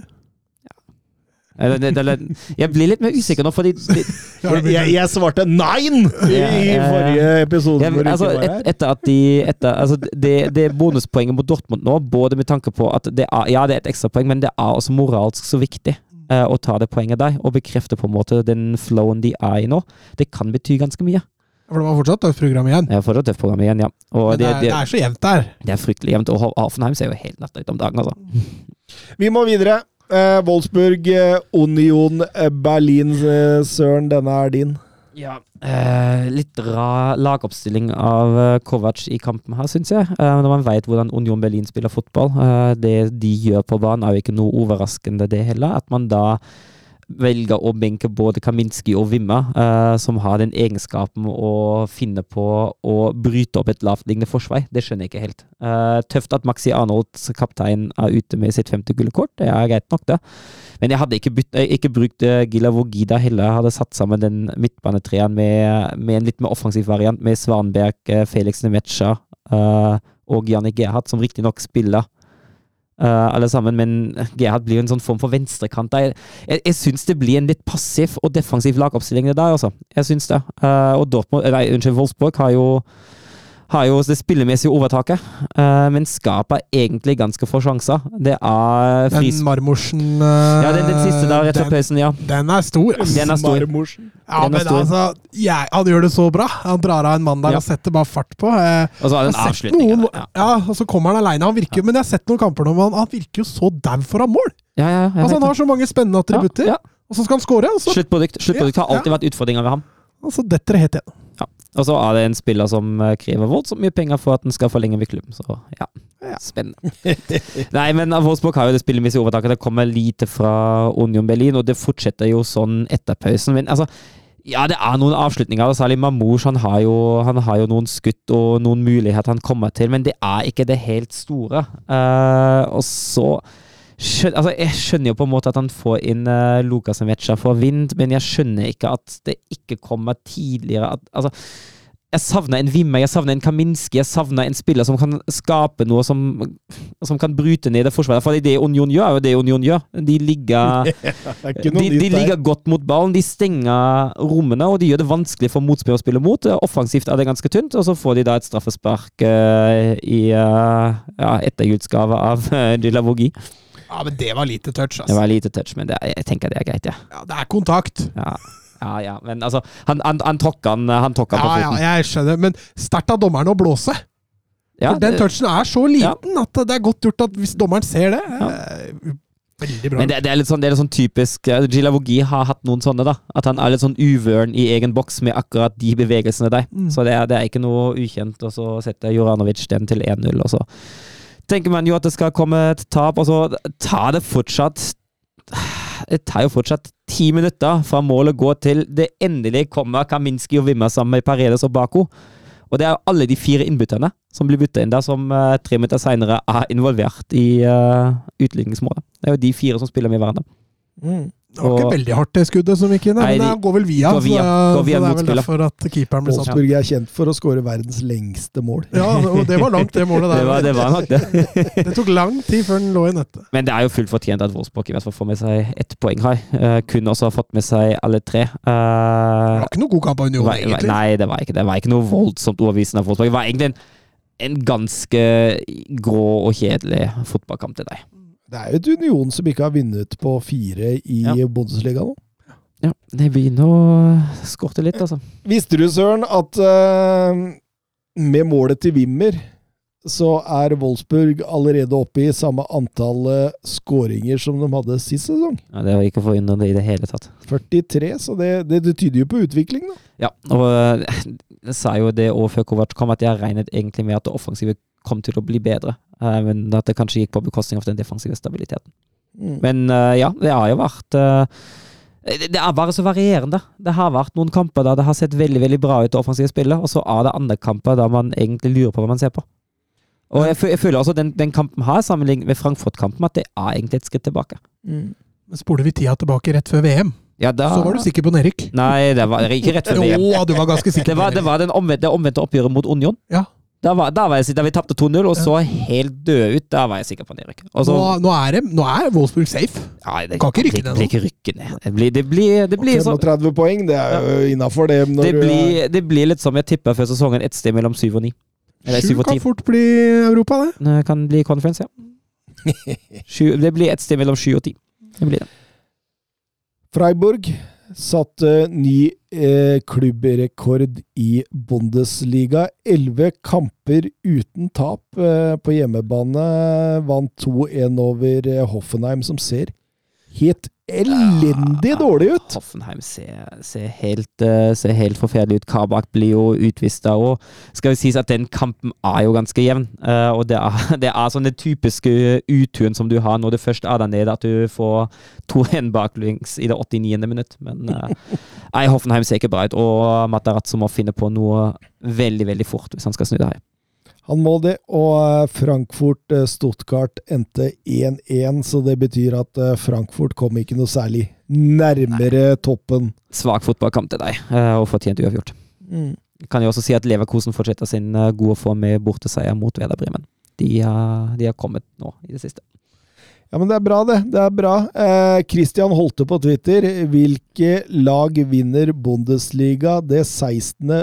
bayeriske infanteriregimet leder med to poeng over eh, Dortmund nå, men eh, kan dere se inn i kula og gi meg svar? Jeg er lei ligagull til München. Ja, det, er, det tror jeg flere er, eh, men det blir nok Bayern i år igjen. Men du satt og heia på Bayern mot Petke, eller?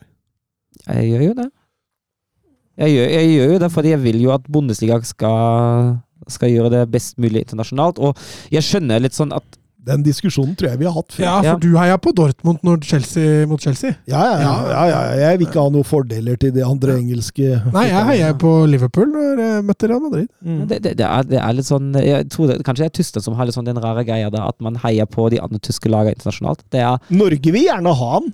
Hele Norges Bodø-Glimt, Ja, men- hele Norges Men Rosenborg. Da, da, da igjen, da føler jeg altså Om Bayern nå vinner Champions League eller ikke, de er poppa full av penger uansett. Det har ikke så mye å si. Uh, men for norske lag har det Altså, jeg føler for Bodø-Glimt har avansement i Europa mye mer å si enn det har for Bayern i Champions League. Men, men, men hvis det var det ikke sånn at hvis Bodø-Glimt vant den siste europakampen sin nå, så hadde Norge fått ett ekstra lag med i Europa? var det ikke Ja, noe sånt fått- kunne kunne fått, ja. fått, Mm. Nei, det er riktig, det. Sånn, men, men det er litt som Søren er innpå, da. Eh, for Norges del så lønner det seg flest mulig lag inn i conference, for en seier i conference er like mye verdt som en seier i Champions League. Mm. Og sannsynligheten for å vinne kamper i conference er mye større enn å vinne kamper i Champions League. Samtidig, da, hvis Bodø-Glimt kommer inn i Champions, så er de sikra 200 millioner. Altså, det, det er så enormt å si, da! På no, I norske markedet. Du må jo bare håpe det ikke skjer! Ja, ja, det er litt det du gjør, da. Men jeg tror, jeg tror det, det som er litt greia, er at tyskerne er ve altså veldig opptatt av Bundesligas standing internasjonalt. Eh, og det at Frankfurt vinner Europa League, eller hvis Bayern vinner Champions League, det er sånn tyskernes bekreftelse at åh, Bundesliga, det er gode saker, det. Altså, det, det er litt sånn der det ligger òg, tror jeg. Men, men sitter det beinharde supportere i Dortmund og håper på at Bayern München vinner over Nei, det, det tror jeg ikke. Jeg tror heller ikke at, eh, at det sitter supportere i Offenbach, erkerivalen til Eintracht Frankfurt, og håper at eh, de vinner Europa League. Jeg tror, altså Det er jo litt som Hvis Eintracht Braunschweig hadde spilt i Europa, hadde jeg jo aldri i livet heiet på dem. Jeg har jo heiet på alt annet. Vålerenga? lenge? alt annet. Men i, Nor i Norge blir det uansett litt annerledes, da. Ja, men hvis Breitsværg møter Vålerenga? Åh. Ja, var det ikke fått det- å besvime her? Så den kampen hadde jeg pent ignorert. hadde ikke skjedd. Det er bare Nei, vi må gå over til Serie A. Era il marcatore di Cannavaro. Palla tagliata, messa fuori, c'è Pirlo, Pirlo, Pirlo, ancora Pirlo di tacco, tiro,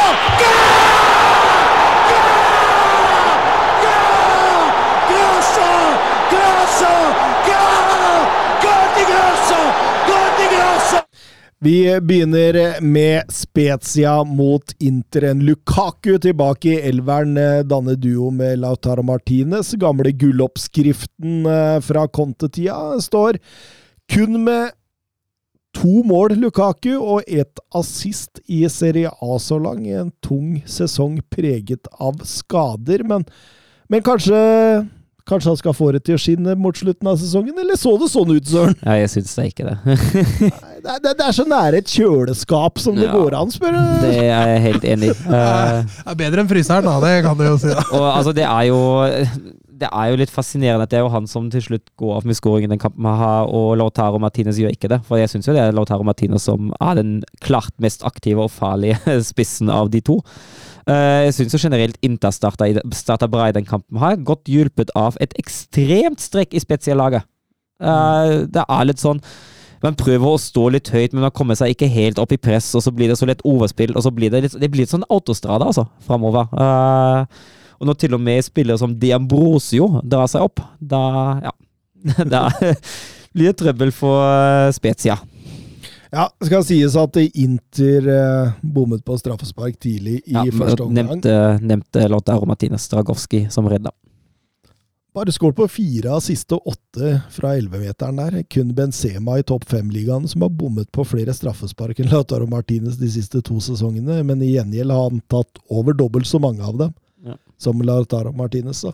Ja, det er kanskje på tide at Lautaro Martinez slipper å ta de der. Ja, jeg tenker det, jeg tenker det. Men det går til 0-0 til pause, og, og, selv om Inter nok hadde nok sjanser til å ta ledelsen der, så, så, så, så, så, så var det liksom Du følte at Spezia kom mer og mer med Mm, ja. mot slutten av omgangen. Særlig de siste 15 er helt enig. For da, da begynner de også å bli tryggere defensivt. Og så begynner de å sette noen nålestikk. Du har jo den der som altså, det Jeg vil ikke si at det er en stor sjanse selv om de treffer tverrligger, men altså, de begynner å nærme seg litt. De begynner å melde seg litt på. Mm. Og tidlig i, eh, i, i, første, i andre omgang så skårer Daniel Maldini. En la, lang ball fra Drakowski Ja. der, en Sola. Hva driver Bastoni med deg? Ja, det, det kan du lure på. Åh, altså, herregud, det er grusomt. Det er absolutt det, og, og Maldini setter 0-1. Innbytteren gjør det nok en gang. Han som senka sine egne også. Han, han har det med å skåre i, i toppoppgjøra. Sønn av faren sin. Mm. Altså, og da, da senker jo Spezia seg voldsomt. Da ligger de veldig, veldig dypt, og Inter har skikkelig trøbbel med å bryte igjennom.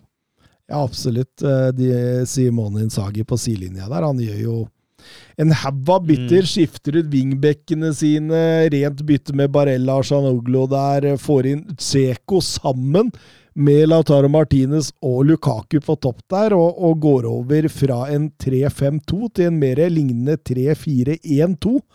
Hvor Lukaku og Tseko er på topp, og Martinez sin litt mer sånn friere rolle rundt. og og, og, og det skal jo sies det at eh, Inter eh, har mye possession, men, men de klarer ikke å skape det helt store, altså. Nei, de klarer jo egentlig ikke å skape noe som helst. Eh, Spezia har veldig god kontroll på egen boks, og Inter begynner å bli mer og mer desperate. Mm, absolutt. Og så, så er det en uheldig Salva nettopp Mm. kommet inn der som, eh, som lager et straff... Faen, han har vært på Hvor lenge hadde han vært på banen? 15-20 sekunder? Ikke særlig lenge, det. altså, måtte Denne melde seg på. på Moise Keane. ja. Før han lager Inters straffespark nummer to. Lukaku setter den, og da tror man jo likevel at de skal komme liksom sånn helt ok fra det, men så er det denne Mbala Msola da, som hadde plaga dem med overgangs, overgangsferdighetene sine gjennom hele kampen. Eh, Han eh, setter 2-1 mot slutten der. Og, og, og Ja, nok et straffespark, ja. Stemmer, stemmer. Og Spezia holder ut der mot slutten. Det er, det er strålende. strålende. Sterkt av Spezia. Jeg syns jo Inter, så snart Spezia ikke lenger gir dem rom, så er Inter ganske Men, skuffende. men altså. var det straffesparket litt soft? Ja, jeg syns det. Eh, det er jo altså det er ved, Damfis er ved, med brystet bort i motspilleren der, men jeg syns, jeg syns den er soft, altså. Ja, syns det, altså. Syns det, men Likevel. Inter ryker på sitt åttende tap denne sesongen, og da tenkte jeg åtte tap på 26 kamper og likevel annenplass. altså, det, det, det er ganske spesielt. Og det er, men det er ganske jevnt i toppen her, da. Eh, Det er ikke lang vei ned. Hvis Milan vinner i, er i dag de spiller, så er de vel Er de forbi, eller er de Det er målforskjell. Målforskjell. Så det er jo ekstremt jevnt. Mm. Men det er litt sånn Ok, Napoli har vært gode, men det er ekstremt ujevnt bak Napoli også. Ja, Enig. Og Eh, nå fikk jo Napoli enda større luke igjen. Det er klart De tapte jo sist, men eh, nå er de tilbake igjen på 18 poengs forsprang etter 26 kamper. Det, det er ganske ellevilt. Ja, for dem eh, Napoli møtte, møtte jo Atalanta um, seinere der, til rundens toppkamp i Serie A. Det var Spalletti mot Gasperini, det var Oshimen mot Høylund, det var serieleder Napoli mot Champions League-jagende Atalanta. og eh, Spalletti hadde blitt tvunget til å gjøre tre bytter denne gangen, da. Eh, men det var jo ikke bytter han ønska å gjøre. Han Golini erstatter Meret der, som skada seg på oppvarmingen. Oliveira er jo fortsatt på denne venstrebekken for suspenderte Mario Rui, og Politano kom inn for en muskelskada Lozano. Og, og det er litt sånn ta og føle på i starten der. Ja, det er det. Jeg syns uh, Altså, nå har jo Napoli egentlig grei kontroll under hele kampen, men det der offensive spillet som vi er vant fra dem, eh, det syns jeg ikke de får helt på banen de første 45.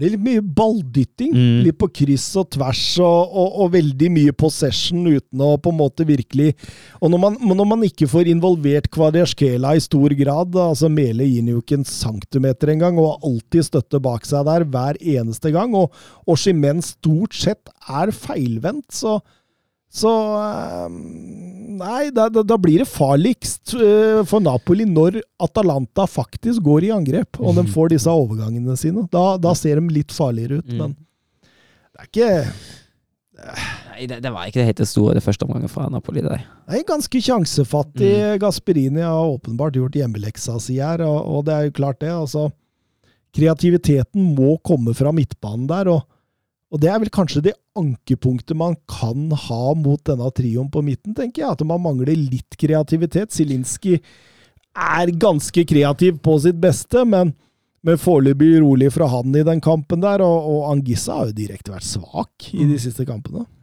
Jeg føler at du får litt fasit av Atalanta her på hvordan du kan stå imot eh, et Napoli. da. Det er klart Napoli er kanskje ikke sin beste form denne sesongen, men eh, når du greier å stenge romma der og tvinger dem ut bredt, sånn at Kvarasjkela står med ryggen til mål, så har du gjort en, eh, så har du gjort en god start. Mm. Men så er det å fullføre planen i to ganger 45, da, og det Ja, den scoringa der. den, der, den er jo. Den er helt ellevill. Altså, han sender tre mann i kiosken på én finte der, som bare, den bare sklir forbi den. ja. Én etter én, og så tenker han nei, vi gjør det en gang til. Og alle tre går på samme på ræva!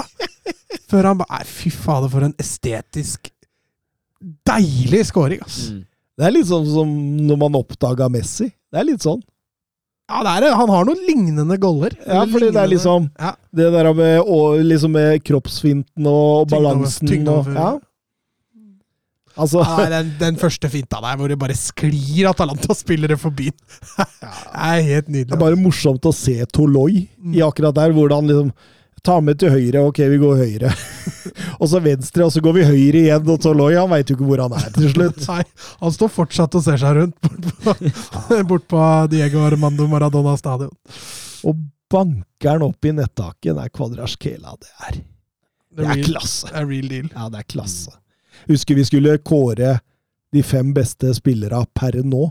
Og når vi gikk ut av studio der, så var det ah, Vi glemte Kvarasjkela! Mm. Han skulle jo vært i den lista der. Mm.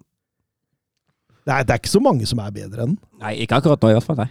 Nei, vi skal vel ha noen kåringer på slutten av sesongen, skal vi ikke det? Da, stiller. Årets kjøp og årets spiller, eh, den eh, der bør han, han, han, han eh, vinner noen priser. Ja, vi, han vinner noen 90 minutter-pokaler her, ja. han gjør det. Han gjør det. Og Kvadraskela og Shimen har vært involvert i 51% av Napolis mål i alle turneringer denne sesongen. Ja, det, er, det er jo helt ellevilt. Ja, det, det betyr jo det at hvis du klarer å ta ut de, da Ja. Og det blir veldig spennende å se Champions League framover nå. Ja, det, den turneringa de får målt seg. Eh, I, I Serie A nå så er det jo nesten over og ut, så det er jo i Champions League vi får den, uh, og se hvem som kan klare å stoppe dem. Etter 1-0 så må jo Atalanta litt opp. eh, Det ja. Jeg, jeg syns Atalanta skuffer offensivt. Altså. Ja. Jeg syns ikke det er det vi er vant til å se fra Atalanta i den kampen. Jeg syns jo sjøl nå de må opp Altså, Det er jo nesten ingenting som produseres der. Eh, Napoli har god kontroll, altså. Absolutt. Ramani setter 2-0 på- fra en corner eh, eh, kvarter før slutt, og, og eh, Napoli gjennomfører en solid annenomgang. Og, og det måtte jo til, for i første omgangen var heller laber, men tre poeng i et toppkamp, og det er ikke noe mer du kan forvente deg, egentlig. Eh, Juventus eh, Sampdoria Tøffeltrygve skriver på Twitter Paul Pogba, behøver man å si mer? Altså, Pogba var jo vraka til troppen mot Freiburg i midtuka. Hva han har gjort, det vites ikke, men Allegri sa det handler om å ha respekt for gruppa. Ja, han kom for seint. Ja, ja, han gjorde det, Ja. Eh, skulle være med nå igjen mot Sampdoria, men Pogba møtte ikke opp, han. Og Allegri sa han har plutselig fått vondt etter å ha tatt et frispark på trening dagen før. Altså, jeg tenkte ja, ja, sikkert, liksom. Nå skriver vi faktisk 13. mars. Det er to måneder cirka igjen av sesongen, og Paul Pogba har spilt 34 minutter fotball. Kosta ingenting, da. Nei, det er det eneste. Altså, det, men, det har, men, men han koster i form av, av Frustrasjon. frustrasjonen. Ja, jeg Altså. tipper at det er også en uh, ganske stor lønnsslipp der som eh, åpnes hver måned. Altså. Han er sykemeldt, så han får da Nav. Men Juventus har på ingen måte gitt håp håp om europaspill. Selvsagt store favoritter hjemme mot tabelljumbo og Sampdoria der, eh, som har en fot nede i serie B, om ikke, om ikke begge. og Åpner litt svakt før eh, Bremer setter 1-0. Ja, jeg syns de åpner svakt. Gabbiadini har jo sto, to ganske store muligheter der. Uh, bakrommet som ikke dekkes godt nok. Bonucci som ikke ser bra ut i det hele tatt. Uh, men ja, uh, den luftstyrka som de viser, de første 25, da, ved både Brema og Rabiot, som setter 1-0 og 2-0, begge to med hodet etter gode innlegg, det er forskjellen på kampen. Eller på lagene. Og da skulle man jo tro at kampen var over, men Juventus sover to ganger, slipper inn to mål på ja, hva var det, da? 72 Ja, sekunder. to minutter, ja, eller noe sånt, ja. ja. Eh, eh, og dette er, det er jo så, jeg var en kommentator sa 'football is crazy'. ikke sant? Her, her, her kommer Sampdoria, da, som har skåret 11 mål så langt i sesongen, og så klarer man på Allianz Arena å skåre! To ganger på ett minutt. Det er helt vilt. Mot Juventus. Ja, det er det. Og da blir det jo kamp igjen, da. Ja, og Juventus, altså jeg syns jo resten av omgangen så Juventus ser jo litt sjokkert ut. Eh, Jeg syns det er det, er en rotete og svak førsteomgang uh, som eh, Juventus leverer der. Og det, de skaper jo egentlig ikke noe voldsomt etter den der eh, Etter 2-2-skåringa heller. Sampdoria har jo egentlig en ganske grei jobb med å ta ut de offensive truslene. Men eh, vi går til annen omgang. Adrian Rabiot setter 3-2, og Daniel Ødegaard spør oss eh, noen av dere som forsto hvorfor 3-2-målet til Rabiot ikke blir annullert? Ja, den, den, altså, jeg tror kanskje grunnen er at et sted der han treffer ham, er akkurat på den grensen hvor det blir hens. Jeg tror, altså Det må jo være det. Noe annet kan jeg ikke forklare meg, for ellers må jo den annulleres. For hvis du har hands rett i forkant av en scoring, så skal det jo annulleres uansett. Men du ser, Rabiona skårer. Ja, han, eh, han, han forventer at eh, den blir blåst av med Ja. en gang. og Jeg må se på reaksjonen hans, ja. ja, Han blir, når han skjønner at han ikke blir blåst av, det er jo da han begynner å juble. Så den, den er veldig spesiell. Men eh, eh, det blir 3-2 der. Eh, og og eh, selv om Dusan Vlavic bommer på straffespark, så jo, Juventus har god kontroll, og Mathias Solé setter 4-2 rett før slutt. ja, i andre omgang er det et litt annet Juventus-lag vi ser. Da. da er det fokusert defensivt, og så skapes det jo en del sjanser, og det ser jo betraktelig bedre ut etter pausen. Tror vi de tar Europa, eller? Ja. De er jo allerede på sjuendeplass, og Mm. sjuendeplass gir jo Europa hvis Coppa Italia-vinneren er Ja. over der på tabellen. Så Men, men, men Conference League, det hadde vært litt ja, det er nedtur, det er enig. Men Atalanta er jo fire poeng, er de ikke det? Foran. Eh, Det er absolutt oppnåelig, det. Hadde, hadde ikke Juventus blitt trukket 15 poeng, så hadde de jo vært på andreplass. Dem, eh, jeg tror nok de tar eh, en eller annen form for Europa. Men eh, Europa League eller Conference League. Lazio gjør som de normalt sett gjør, taper poeng når det ser bra ut. 0-0 mot Bologna der, men riktignok en tøff bortekamp. Mens Roma også surrer det til mot eh, Sassolo. eh, Taper 3-4 uten José Mourinho på, på benken, som eh, måtte likevel bøte med disse to kampenes karantene etter det røde kortet massiv støtte før kampen til Mourinho der fra supporterne. Det virker nesten som han har klart å bygge et lite sånt oss mot dem, oss mot verden eh, der igjen. Altså, han er uhyre populær eh, i, i Roma der. eh. Men tape hjemme mot Sassolo der, få en utvisning tidlig Den, den, den utvisninga, altså Kombolla Ja. Det er tenker jeg jo- meg? Så det er jo helt, det er jo helt hodemiste der. Det er jo enda verre enn det Moise Keane egentlig Ja. blir tatt for oss. Den, nei, den er, den er veldig lik den, men samtidig enda mer hodemist, vil jeg påstå. August Landstad spør har Roma et disiplinærproblem. Ja, men det er litt pga. forbildet i treneren der. Det er vel han som har flest utvisninger i Roma, er det ikke? Jo, men, jo, jo, jo det, det er ingenting. Men, men hør her. Eh, på fris, altså lagde frispark ligger Roma på 16.-plass. Det er kun Sassolo, Lazio, Juventus og Roma som har færre. På gule kort ligger de også på 16.-plass. De har bare eh, 54 gule kort på 26 kamper, noe som er bare litt over to i snitt. Ganske lavt. Eh, på røde kort, de har bare ett. Hvis du ser bort fra Mourinho, da, som har vel tre. Kombola eh, i denne runden her. Eh, så det, det, det er jo ikke voldsomt i statistikkene her. Men det, er, det er sikkert litt kynisme i det Roma driver med, eh, men, men det Kombulla driver med her, det er bare hodemist. Ja.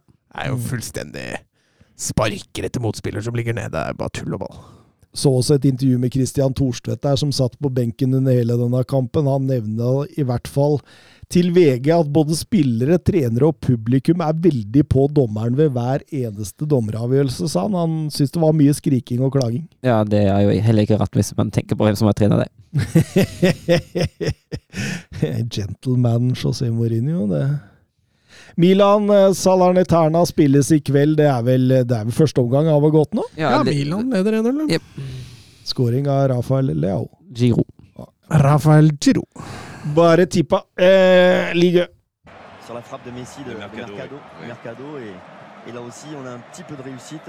Griezmann sur l'appui, c'était bien joué avec Giroud. Oh, Dan, Sylvain Dan. Oh, Sylvain, il l'a vu Oui. Kylian Mbappé Kylian Mbappé, il l'a vu Ça fait 4 Et ça fait peut-être un quart de finale pour l'équipe de France 68e minute Oh la joie collective parce qu'ils ont tous jailli du banc pour aller saluer cette passe décisive géniale de Giroud et ce doublé pour Kylian Mbappé Ja, eh, Brest mot Paris Saint-Germain var nok en gang en skuffelse på å gå ut av Champions League. De nådde ikke helt opp, får ikke tatt det siste steget. Det har vist seg vanskelig. Em, var spent på hvordan det skulle slå ut her. Eh, Finn Jørgen Halvorsen han spør hva skal til for at PSG vinner Champions League, og hvor går Neymar til sommeren? Ja, jeg tror de to henger litt sammen, faktisk. Eh, altså, Jeg sier ikke at Neymar må dra for at PSG skal vinne Champions League, men når du har tre luksusspillere på topp, så, så ryker du mot de beste laga. Eh, du, blir for, du blir for baktung. Det blir for store rom å dekke for de, for de sju gjenværende utespillere som er der. Eh, du så stor bedring da Neymar var ute borte mot Bayern. Da, da var de plutselig litt mer med. De hadde litt bedre kontroll med en gang. Eh, så det å enten tørre å vrake en av de store stjernene, det, det tror jeg blir kjempeviktig hvis du skal klare det. Eh, og så er det litt mangel på bredde, spesielt sentralt på midten. Du har en Verratti. Soler er ikke god nok. Fabian Ruiz er ikke god nok. Zaire Emry er for ung. Så de må fortsette å bare bygge bakfra, eller kjøpe inn noen som kan gå inn og styrke den sentrallinja deres. Og du ser jo nå Markinios ute, Kim Pembe ute. Danilo Pereira, for all del, en god fotballspiller, men han vinner ikke Champions League med Pereira på stopperen. Altså. Man gjør ikke det. det. Det var det tyske maskineriet der som uh, viser at de er ganske langt fremme i skoa i forhold til PSG når det kommer til lagbygging, lagsammensetning, og det, det, det er det som på en måte skiller det, da. Eh, men eh, kampen mot Brest eh, PSG Ja, om de ikke kommer ut i 100, så i hvert fall i 80. De gjør det ganske godt fra starta der. Ja, Nå skaper også en del sjanser og setter egentlig press på Brest med én en eneste gang. Mm. Dominerer eh, voldsomt, og, og Carlos Soler banker inn 0-1. Eh, Dårlig keeperspill. Ja, eh, dårlig keeperspill for all del i returen der, men det, det, det, er nydelig satt Det, det er det. på returen der. Eh, Frank Honorat eh, han svarer seks minutter etterpå. Nydelig scoring, det også. Og Sergio Ramos ser ganske gammel ut i den. Han gjorde det litt mot PSG òg. Nei, mot Bayern òg. Ja, jo. Han går ned et par blokkeringer der hvor det er ja, Jeg tror ikke han har gjort det i glansdagen. Altså. Men det var den eneste måten egentlig Brest kunne score på. Slå tidlig, raskt i bakrom. Eh, PSG-linja sto ganske ofte høyt, og da, og da sikra dem 1-1. Og de åpner jo faktisk ganske friskt også i en annen omgang der. Og, og, og, ettersom kampen sklider frem, så, så, så sitter man og tenker at dette blir jo faktisk uavgjort. Mm, ja, fordi PSG overbeviser ikke etter pausen, syns jeg. Nei, ikke i det hele tatt. Det meste tyda på poeng på de- de- deling, men så, så har de jo en verdensstjerne, da. Ja, og når han får bakrom, da setter han på fart, og da blir det som regel ustoppelig. Altså denne gangen han får, han får voldsomt bakrom der. Uh, Lite kynisk av Brest. vet, et, et, et sånn, blir litt revet med, kanskje. Jeg veit ikke. Men så, rund, så runder han keeperen og setter to igjen uh, etter 90 minutter, så ja. Jeg, jeg tror Brest den, den, de lukta seieren der, og så blei for ivrig, og så, og så ryker de på en overgang der, og, og Kylian Mbappé setter 1-2, og Paris Saint-Germain vinner igjen. Og Fredrik Stjerna han spør er man imponert over PSG vinner en bortekamp etter Champions League-exiten, eller må man bare forvente det? Altså at de skal slå et bunnlag i league òg? uh, borte. Ja, det skal de. Det tenker man man skal bare forvente. Ja, uansett, egentlig. Mm. Skal nesten slå dem på julaften nå, på en måte. Mm. Ja, eh, og da var det som eh, Mats er inne på, det var ti poengs luke ned til eh, Marseille, som eh, Ja, dem eh, Dette velodromspøkelset, det, det slår til for fullt igjen. Eh, leder 2-0. Ser ut til at alt eh, går etter fryd og gang, men selv med én mann mindre på banen. Og så kommer eh, det to kjappe helt mot slutten fra Alou, han som aldri skårer mål, men skårer to. Ja, på Stad Velodrom. Fotball is crazy. Er det ikke? Mm, mm. Det er helt utrolig at det går an. Altså, Dette denne, Den, denne den er velodrom. Den, den koster poeng for Marseille, altså. De får ikke helt til der. altså. Det virker som de trives absolutt best eh, på bortebane.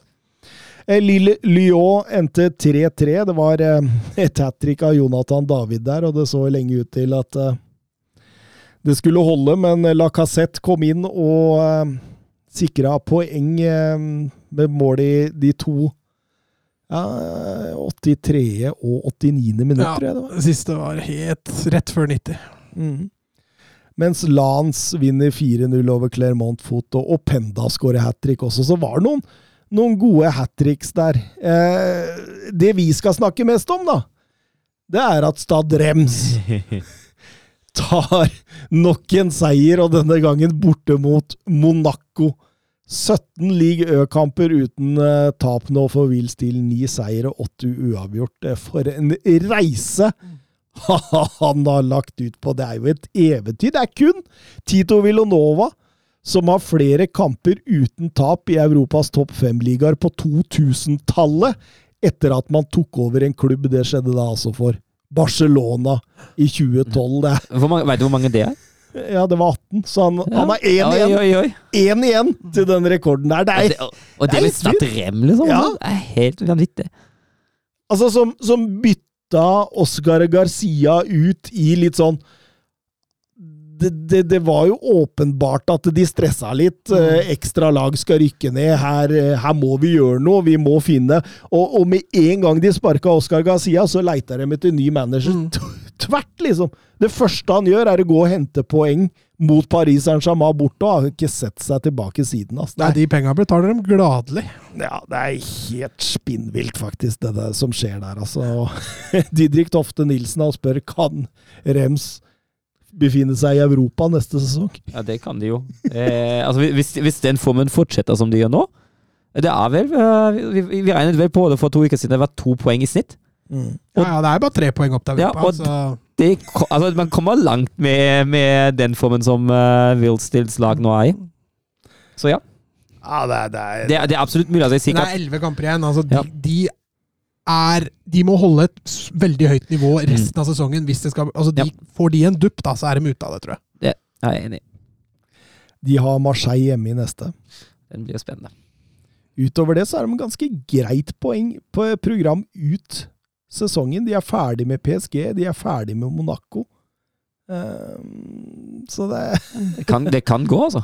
Veldig, veldig spennende, det greiene her. Altså, det er faktisk noe av det mest spennende som skjer i topp fem-ligaen nå. Det Wheel Still, altså. Vi, vi trodde ikke hvor dette skulle bære når vi, når vi, vi snakket til våre lyttere om uh, fotballmanager-manageren som uh, tok over. Det er helt spinnvilt. Eh, Fredrik Konradsen, kan dere gi meg fem league Ø-angripere som ikke spiller for PSG, som kan være alternativ for en Premier League-klubb med behov for en angriper? Vi kan jo starte. Balagun, teller han, eller? Ja. Ah, teller han? Nei, han kan ikke telle. Han er jo, Han er jo høyaktuell for Arsenal! han, han eies av Arsenal. Ja, det er derfor jeg mener han bør være kjempeaktuell. Vi kan jo starte med Jonathan David, da. Han har vi jo nevnt ofte, så han, eh, han må jo inn i den, uh, i den miksen der. Nyårsimens, skal vi kalle den det. Eh, Toppskårer med Mbappe nå. Ung. 2000-modell. Han bør være aktuell for eh, mange i Premier League, altså. Har du noen flere, eller? Ja, jeg har jo Altså, jeg tenker jo også på han eh, på godeste Anna Caliomendo Mm. i, uh, i Stadren. Jeg syns han ser spennende ut. Altså, han er jo litt mer, litt mer uferdig, han er bare 21 år. Det er, det er litt likheter med Kolomonai. Mo, Mm. Monai. Nå, nå, nå er det nå går det seigt her! Kolomoani. Ja, Ja. det er litt likheter Ja. med åssen han var Ja, i, i, i Frankrike. Ja, som sagt, jeg syns han ser spennende ut, men det er det, det, er det fortsatt litt, uh, litt utvikling, altså. Igjen. Regner vi Moffi, eller? Er han Moffi må regnes med. altså Han skifta klubb i, Ja, i januar, riktignok. men- riktignok. Vanskelig å hente ut, sikkert, men det er jo en sånn Michael Antonio-type som kan være et ettmannsangrep. Han er bare 23 han nå. Mm. Eh, Openda, som skårte hat trick denne helgen, mm. syns jeg skal være med der. Eh, det er vel tidenes raskeste League Ø-hat trick, det, han, eh, det han satte i helga.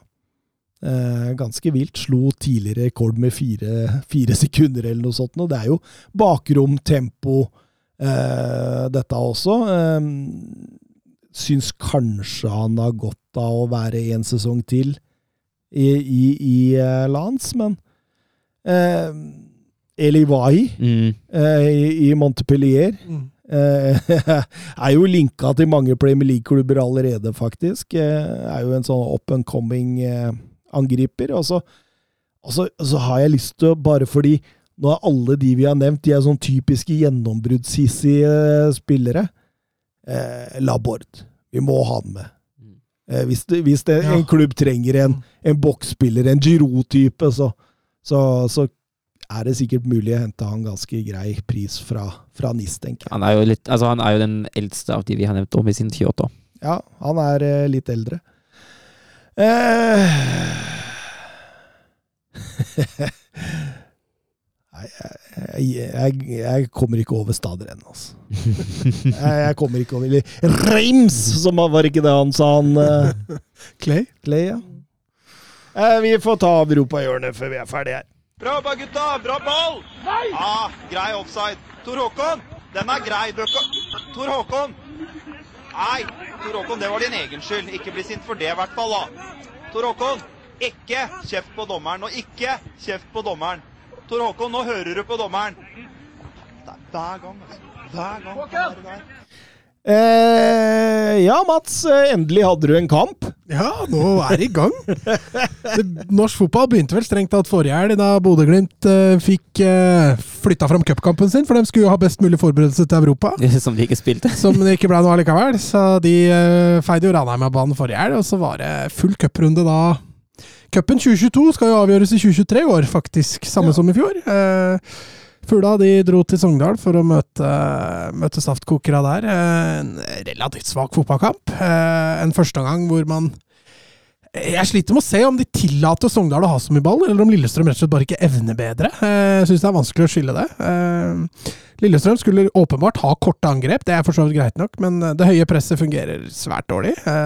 Man sliter med å dekke rom. Sogndal flinke til å oppsøke rommet utafor midtbanespillere, altså, altså bredt i banen. Og så når man først får 2-1 utover i andre omgang der, så syns jeg man kontrollerer det bedre. Eh, Sogndal gjør en del bytter, og det blir litt urytmisk, så alt i alt en fortjent seier, men svært skuffa, egentlig. Ja. Er, man møter et lag fra fra divisjonen under eh, mot et lag som antatt skal kjempe i toppen. Eh, det jeg tror kanskje også eh, eh, snakker litt mot Lillestrøm, er at alle veit nå åssen Lillestrøm skal spille. Uten at man egentlig har lagt om ennå. Det er liksom så opplest og vedtatt at Lillestrøm skal spille med to spisser. Fem bak, tre på midten. Eh, Så Tore André Flo og Sogndal visste jo nøyaktig hva de møtte. Bør man skrote formasjonen allerede, spør Jørgen Knutsen. Nei, jeg syns ikke det. Eh, jeg syns problemene ligger litt dypere enn formasjon. Jeg syns jo egentlig at den Sogndal-kampen bare er en eh, dårlig fortsettelse av det vi har blitt vitne til siden egentlig høsten i fjor. Eh, jeg syns egentlig den ligner veldig på si bortekampen i Ålesund, bare at man møtte litt dårlig motstand, og derfor ikke tapte den, eh, den nå. Eh, jeg føler ikke at det nødvendigvis er en formasjonsgreie, for jeg mener jo absolutt at Lene og Adams på topp er, eller kan være et ganske godt våpen. Men det handler litt om at hvordan vi får spilt dem opp, hvordan vi angriper Mm. mot etablert forsvar. Jeg syns det er litt sånn der det ligger. Jeg har jo kritisert uh, spillet mot etablert forsvar, hvis man vil kalle det eh, før òg. og jeg mener at det er der uh, vår aller største svakhet ligger. Ja, ja, med å ha kor. altså det Jeg tror ikke det fins et bedre spisspar i Eliteserien, sånn Nei. hvis man ser individuelt på det. Uh, Så at de to må finne Vi må finne en plass til begge de to, det, det er ingen tvil om. Og så er det om å gjøre å finne en uh, måte å spille på som gjør at de blir gode. Uh, Om det er 5-3-2, altså en fembekslinje. Jeg har aldri vært veldig fan av det, for det er ikke så lett å være god offensivt. Uh, Det krever litt mer, da. Eh, Så nei, vi får se. Jeg syns jo det er for tidlig å vrake den, ja. Det er jeg helt enig i. Skal ikke gi opp etter én kamp, liksom. NRK har jo fått litt kritikk for dekninga i Fullt fortjent kritikk òg. ja. Så du tweeten til Mats Hansen? Ja, Ja, det- og lagoppstillinga til Ja. Lillestrøm. Ja, var det Åsen på venstrebekk eller noe sånt? Altså, Ja, det var Ranger. Ranger på venstre indreløper, og så var det Ja, ja. Aasen på venstre bekk. ja, et eller annet. Altså, gud, nei, Og. Roseth høyre vingbekk. Altså, ja, altså, hvem, hvem er det som hadde satt opp det der, tenker jeg?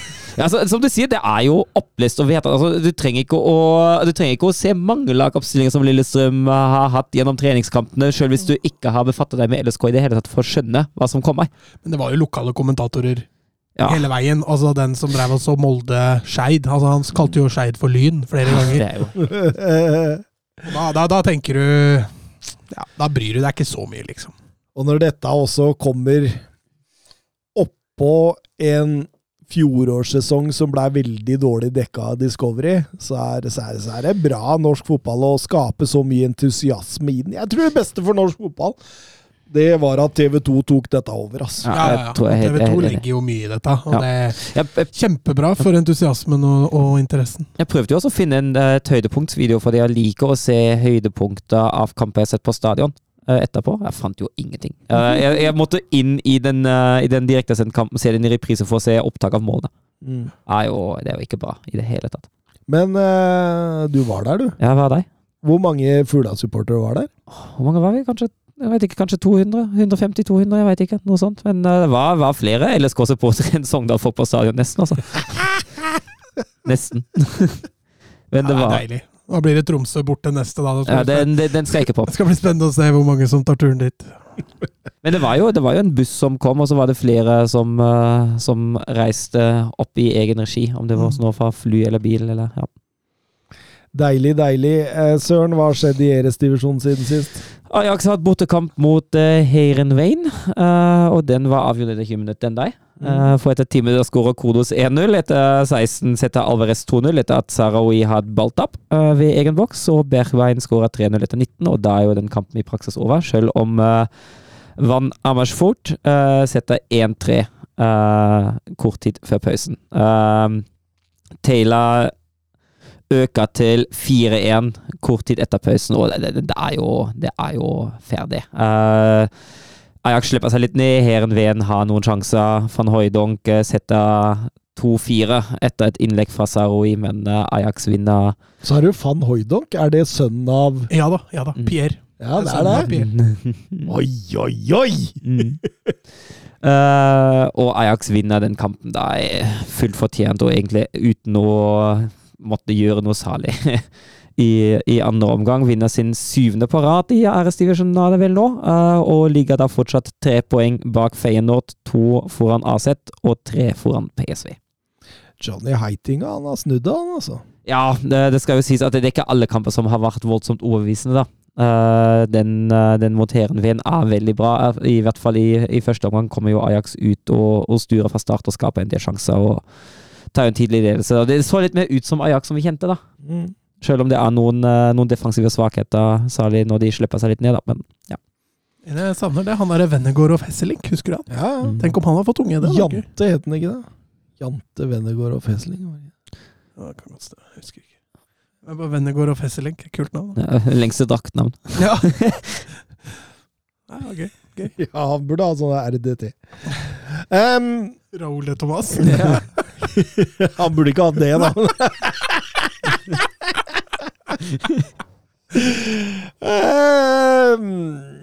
I Liga nå så dro Benfica på bortetur til Maritimo. Det var jo et Benfica som hadde tatt seg greit videre i, kvart, til kvartfinalen i Champions League. Eh, hele 7-1 sammenlagt mot eh, klubb Brygge. Skal nevnes at Brygge er jo ikke akkurat i den formen de var i i gruppespillet. Kan jo lenge lure på hvor, hvor lenge Scott Parker skal sitte der, men eh, jeg så de vant mot Standard Liège i helga, så det har vel ikke sett så bra ut likevel. Eh, Maritimo eh, Ja eh, Veldig, veldig forsiktig. Veldig, veldig forsiktig. Tar ikke risiko i spillet sitt i det hele tatt. Ligger kompakt i 4-2-3-1. Benfica har veldig mye ball. Eh, skaper stadig vekk noen eh, små sjanser. Banker på døra gjennom hele førsteomgangen der, og så får de et, et straffespark etter rundt 30 minutter som Joao Mario nonchalant banker ut av stadion omtrent. Det var helt håpløst. Um, likevel, Benfica setter 0-1 på overtid av første omgang. Han kommer til slutt. Eh, Det er eh, David Neres som flikker et Joao Mario-innlegg i mål der. Um, viktig med den skåringen, for da hadde Maritimo begynt å få litt trua på det. Selvtilliten der vokste og sånt. og og eh, du, du så for seg at det kunne bli en sånn sliteseier etter, etter Champions League-kampen, men, eh, men, men denne ga liksom litt ekstra boost utover annenomgangen. Og, og, og de setter både 0-2 og 0-3 fort der. 0-2 med Joao Mario, 0-3 med David Neres. Og da, det siste Siste er jo et Altså, det er så fantastisk angrep. Det går på ett og to touch med gjenlegg og alt mulig. Det var helt fantastisk. Um, og da er det jo avgjort. De tar gassen av pedalen, eh, ser frem mot eh, fremtidige utfordringer. Og, og, og både Tengstedt og Schjelderup får faktisk innbyttet sitt for, og, debuten sin Ja, på overtid av, eh, av kampen. Og Schjelderup er faktisk nære med å bli involvert i 0-4 der. Helt, helt eh, mot slutten. Eh, jeg så det var enkelte i Twitter-miljøet som uttrykker sin bekymring for Schjelderup og situasjonen hans i Benfica nå, men jeg tror de kan ta det veldig med ro. Roger Schmidt sa jo det at eh, dette skal behandles med tålmodighet, både på Tengstedt og, og, og Schjelderup, så, så ingen, uh, ingen problem der, tror jeg. Jeg tror de spilles og fases rolig, rolig inn i det. Eh, Porto vinner 3-2 mot Estoril. Taremi matchvinner på straffespark rett før slutt. Eh, Braga stålkontroll på Vizela, vinner 0-4 borte, mens Sporting vinner 3-0 hjemme mot Boavista. Eh, full kontroll fra start til slutt, egentlig. Så, så eh, totalt eh, er det ikke noen forandringer i toppen av tabellen. Eh, fortsatt så har Benfica ja, det blir vel åtte poeng ned til Porto der på andreplass. Braga tre. Og, og, og Sporting fjerde. Dem jakter denne Champions League-kvaliken som De må liksom forbi Braga der, altså, men eh, det, det kan gå. Det blir vanskelig å Eller spennende å se. Eh, siste spørsmål vi har. Nisselue på. Eh, denne skulle kommet i forrige uke, men hva tenker domme, om, gutt, gutter om dommera? Nei, nå er jeg sliten. Eh, hva tenker gutta om at dommeren, altså VAR, valgte å overkjøre Goal Line Technology i kampen mellom Fiorentina og Braga? Det er vel veldig spesielt. Ja, det syns jeg at det er veldig spesielt. Uh, jeg tenker jo at da må det faktisk være som, som vi hadde i den nevnte Premier League-kampen uh, mellom Aston Villa og, og Var det Watford? Jeg husker ikke. Uh, eller var det Norwich? Ja, Norwich. Var, ikke Norwich, Ørjan, ja. var det Rian Nyland? Var det jo, jo, ja, men det var, han sto for Villa. Mm. Um, når, når den ikke fungerer, og man ser det helt tydelig at ballen er inne, det tenker jeg på en måte det eneste, men i den situasjonen var det jo ganske jevnt, og da tenker jeg nå går den technology faktisk er til stede og fungerende, så jeg skjønner jeg ikke at man overstyrer det. Har jeg ingen. Korrupsjon! Korrupsjon! Jo, men det er altså Fiorentina hadde jo kontroll på det uansett, så det er Ja, men det, det er liksom prinsipp, da. klokka vibrerer, den er inne og sånt, så kommer VAR inn. Nei! Det ser ikke ut på bildene våre som Ja. han er inne. Nei, Det er- Jeg tenker at teknologien er jo bedre enn kameraene, da. Hadde de tørt det i Champions League, tror du? Altså, dette var jo Conference League. Hadde de tørt i Champions League? Nei. Hadde ikke skjedd. Kommer an på hvilket lag. Ja, hvis Barcelona hadde spilt, så Da hadde du vært, vært inne. Har kjøpt et par VAR-busser der ja, Bartomeu han har betalt for. Det er mange år fram i tid, den avtalen gjelder, så det går ikke noe problem. Nei, jeg er faktisk ganske sliten nå. Skal vi bare gi oss, eller? Ja, det kan vi gjøre. Ja. Vi sier ha det bra. Ha det. Messi surging forward.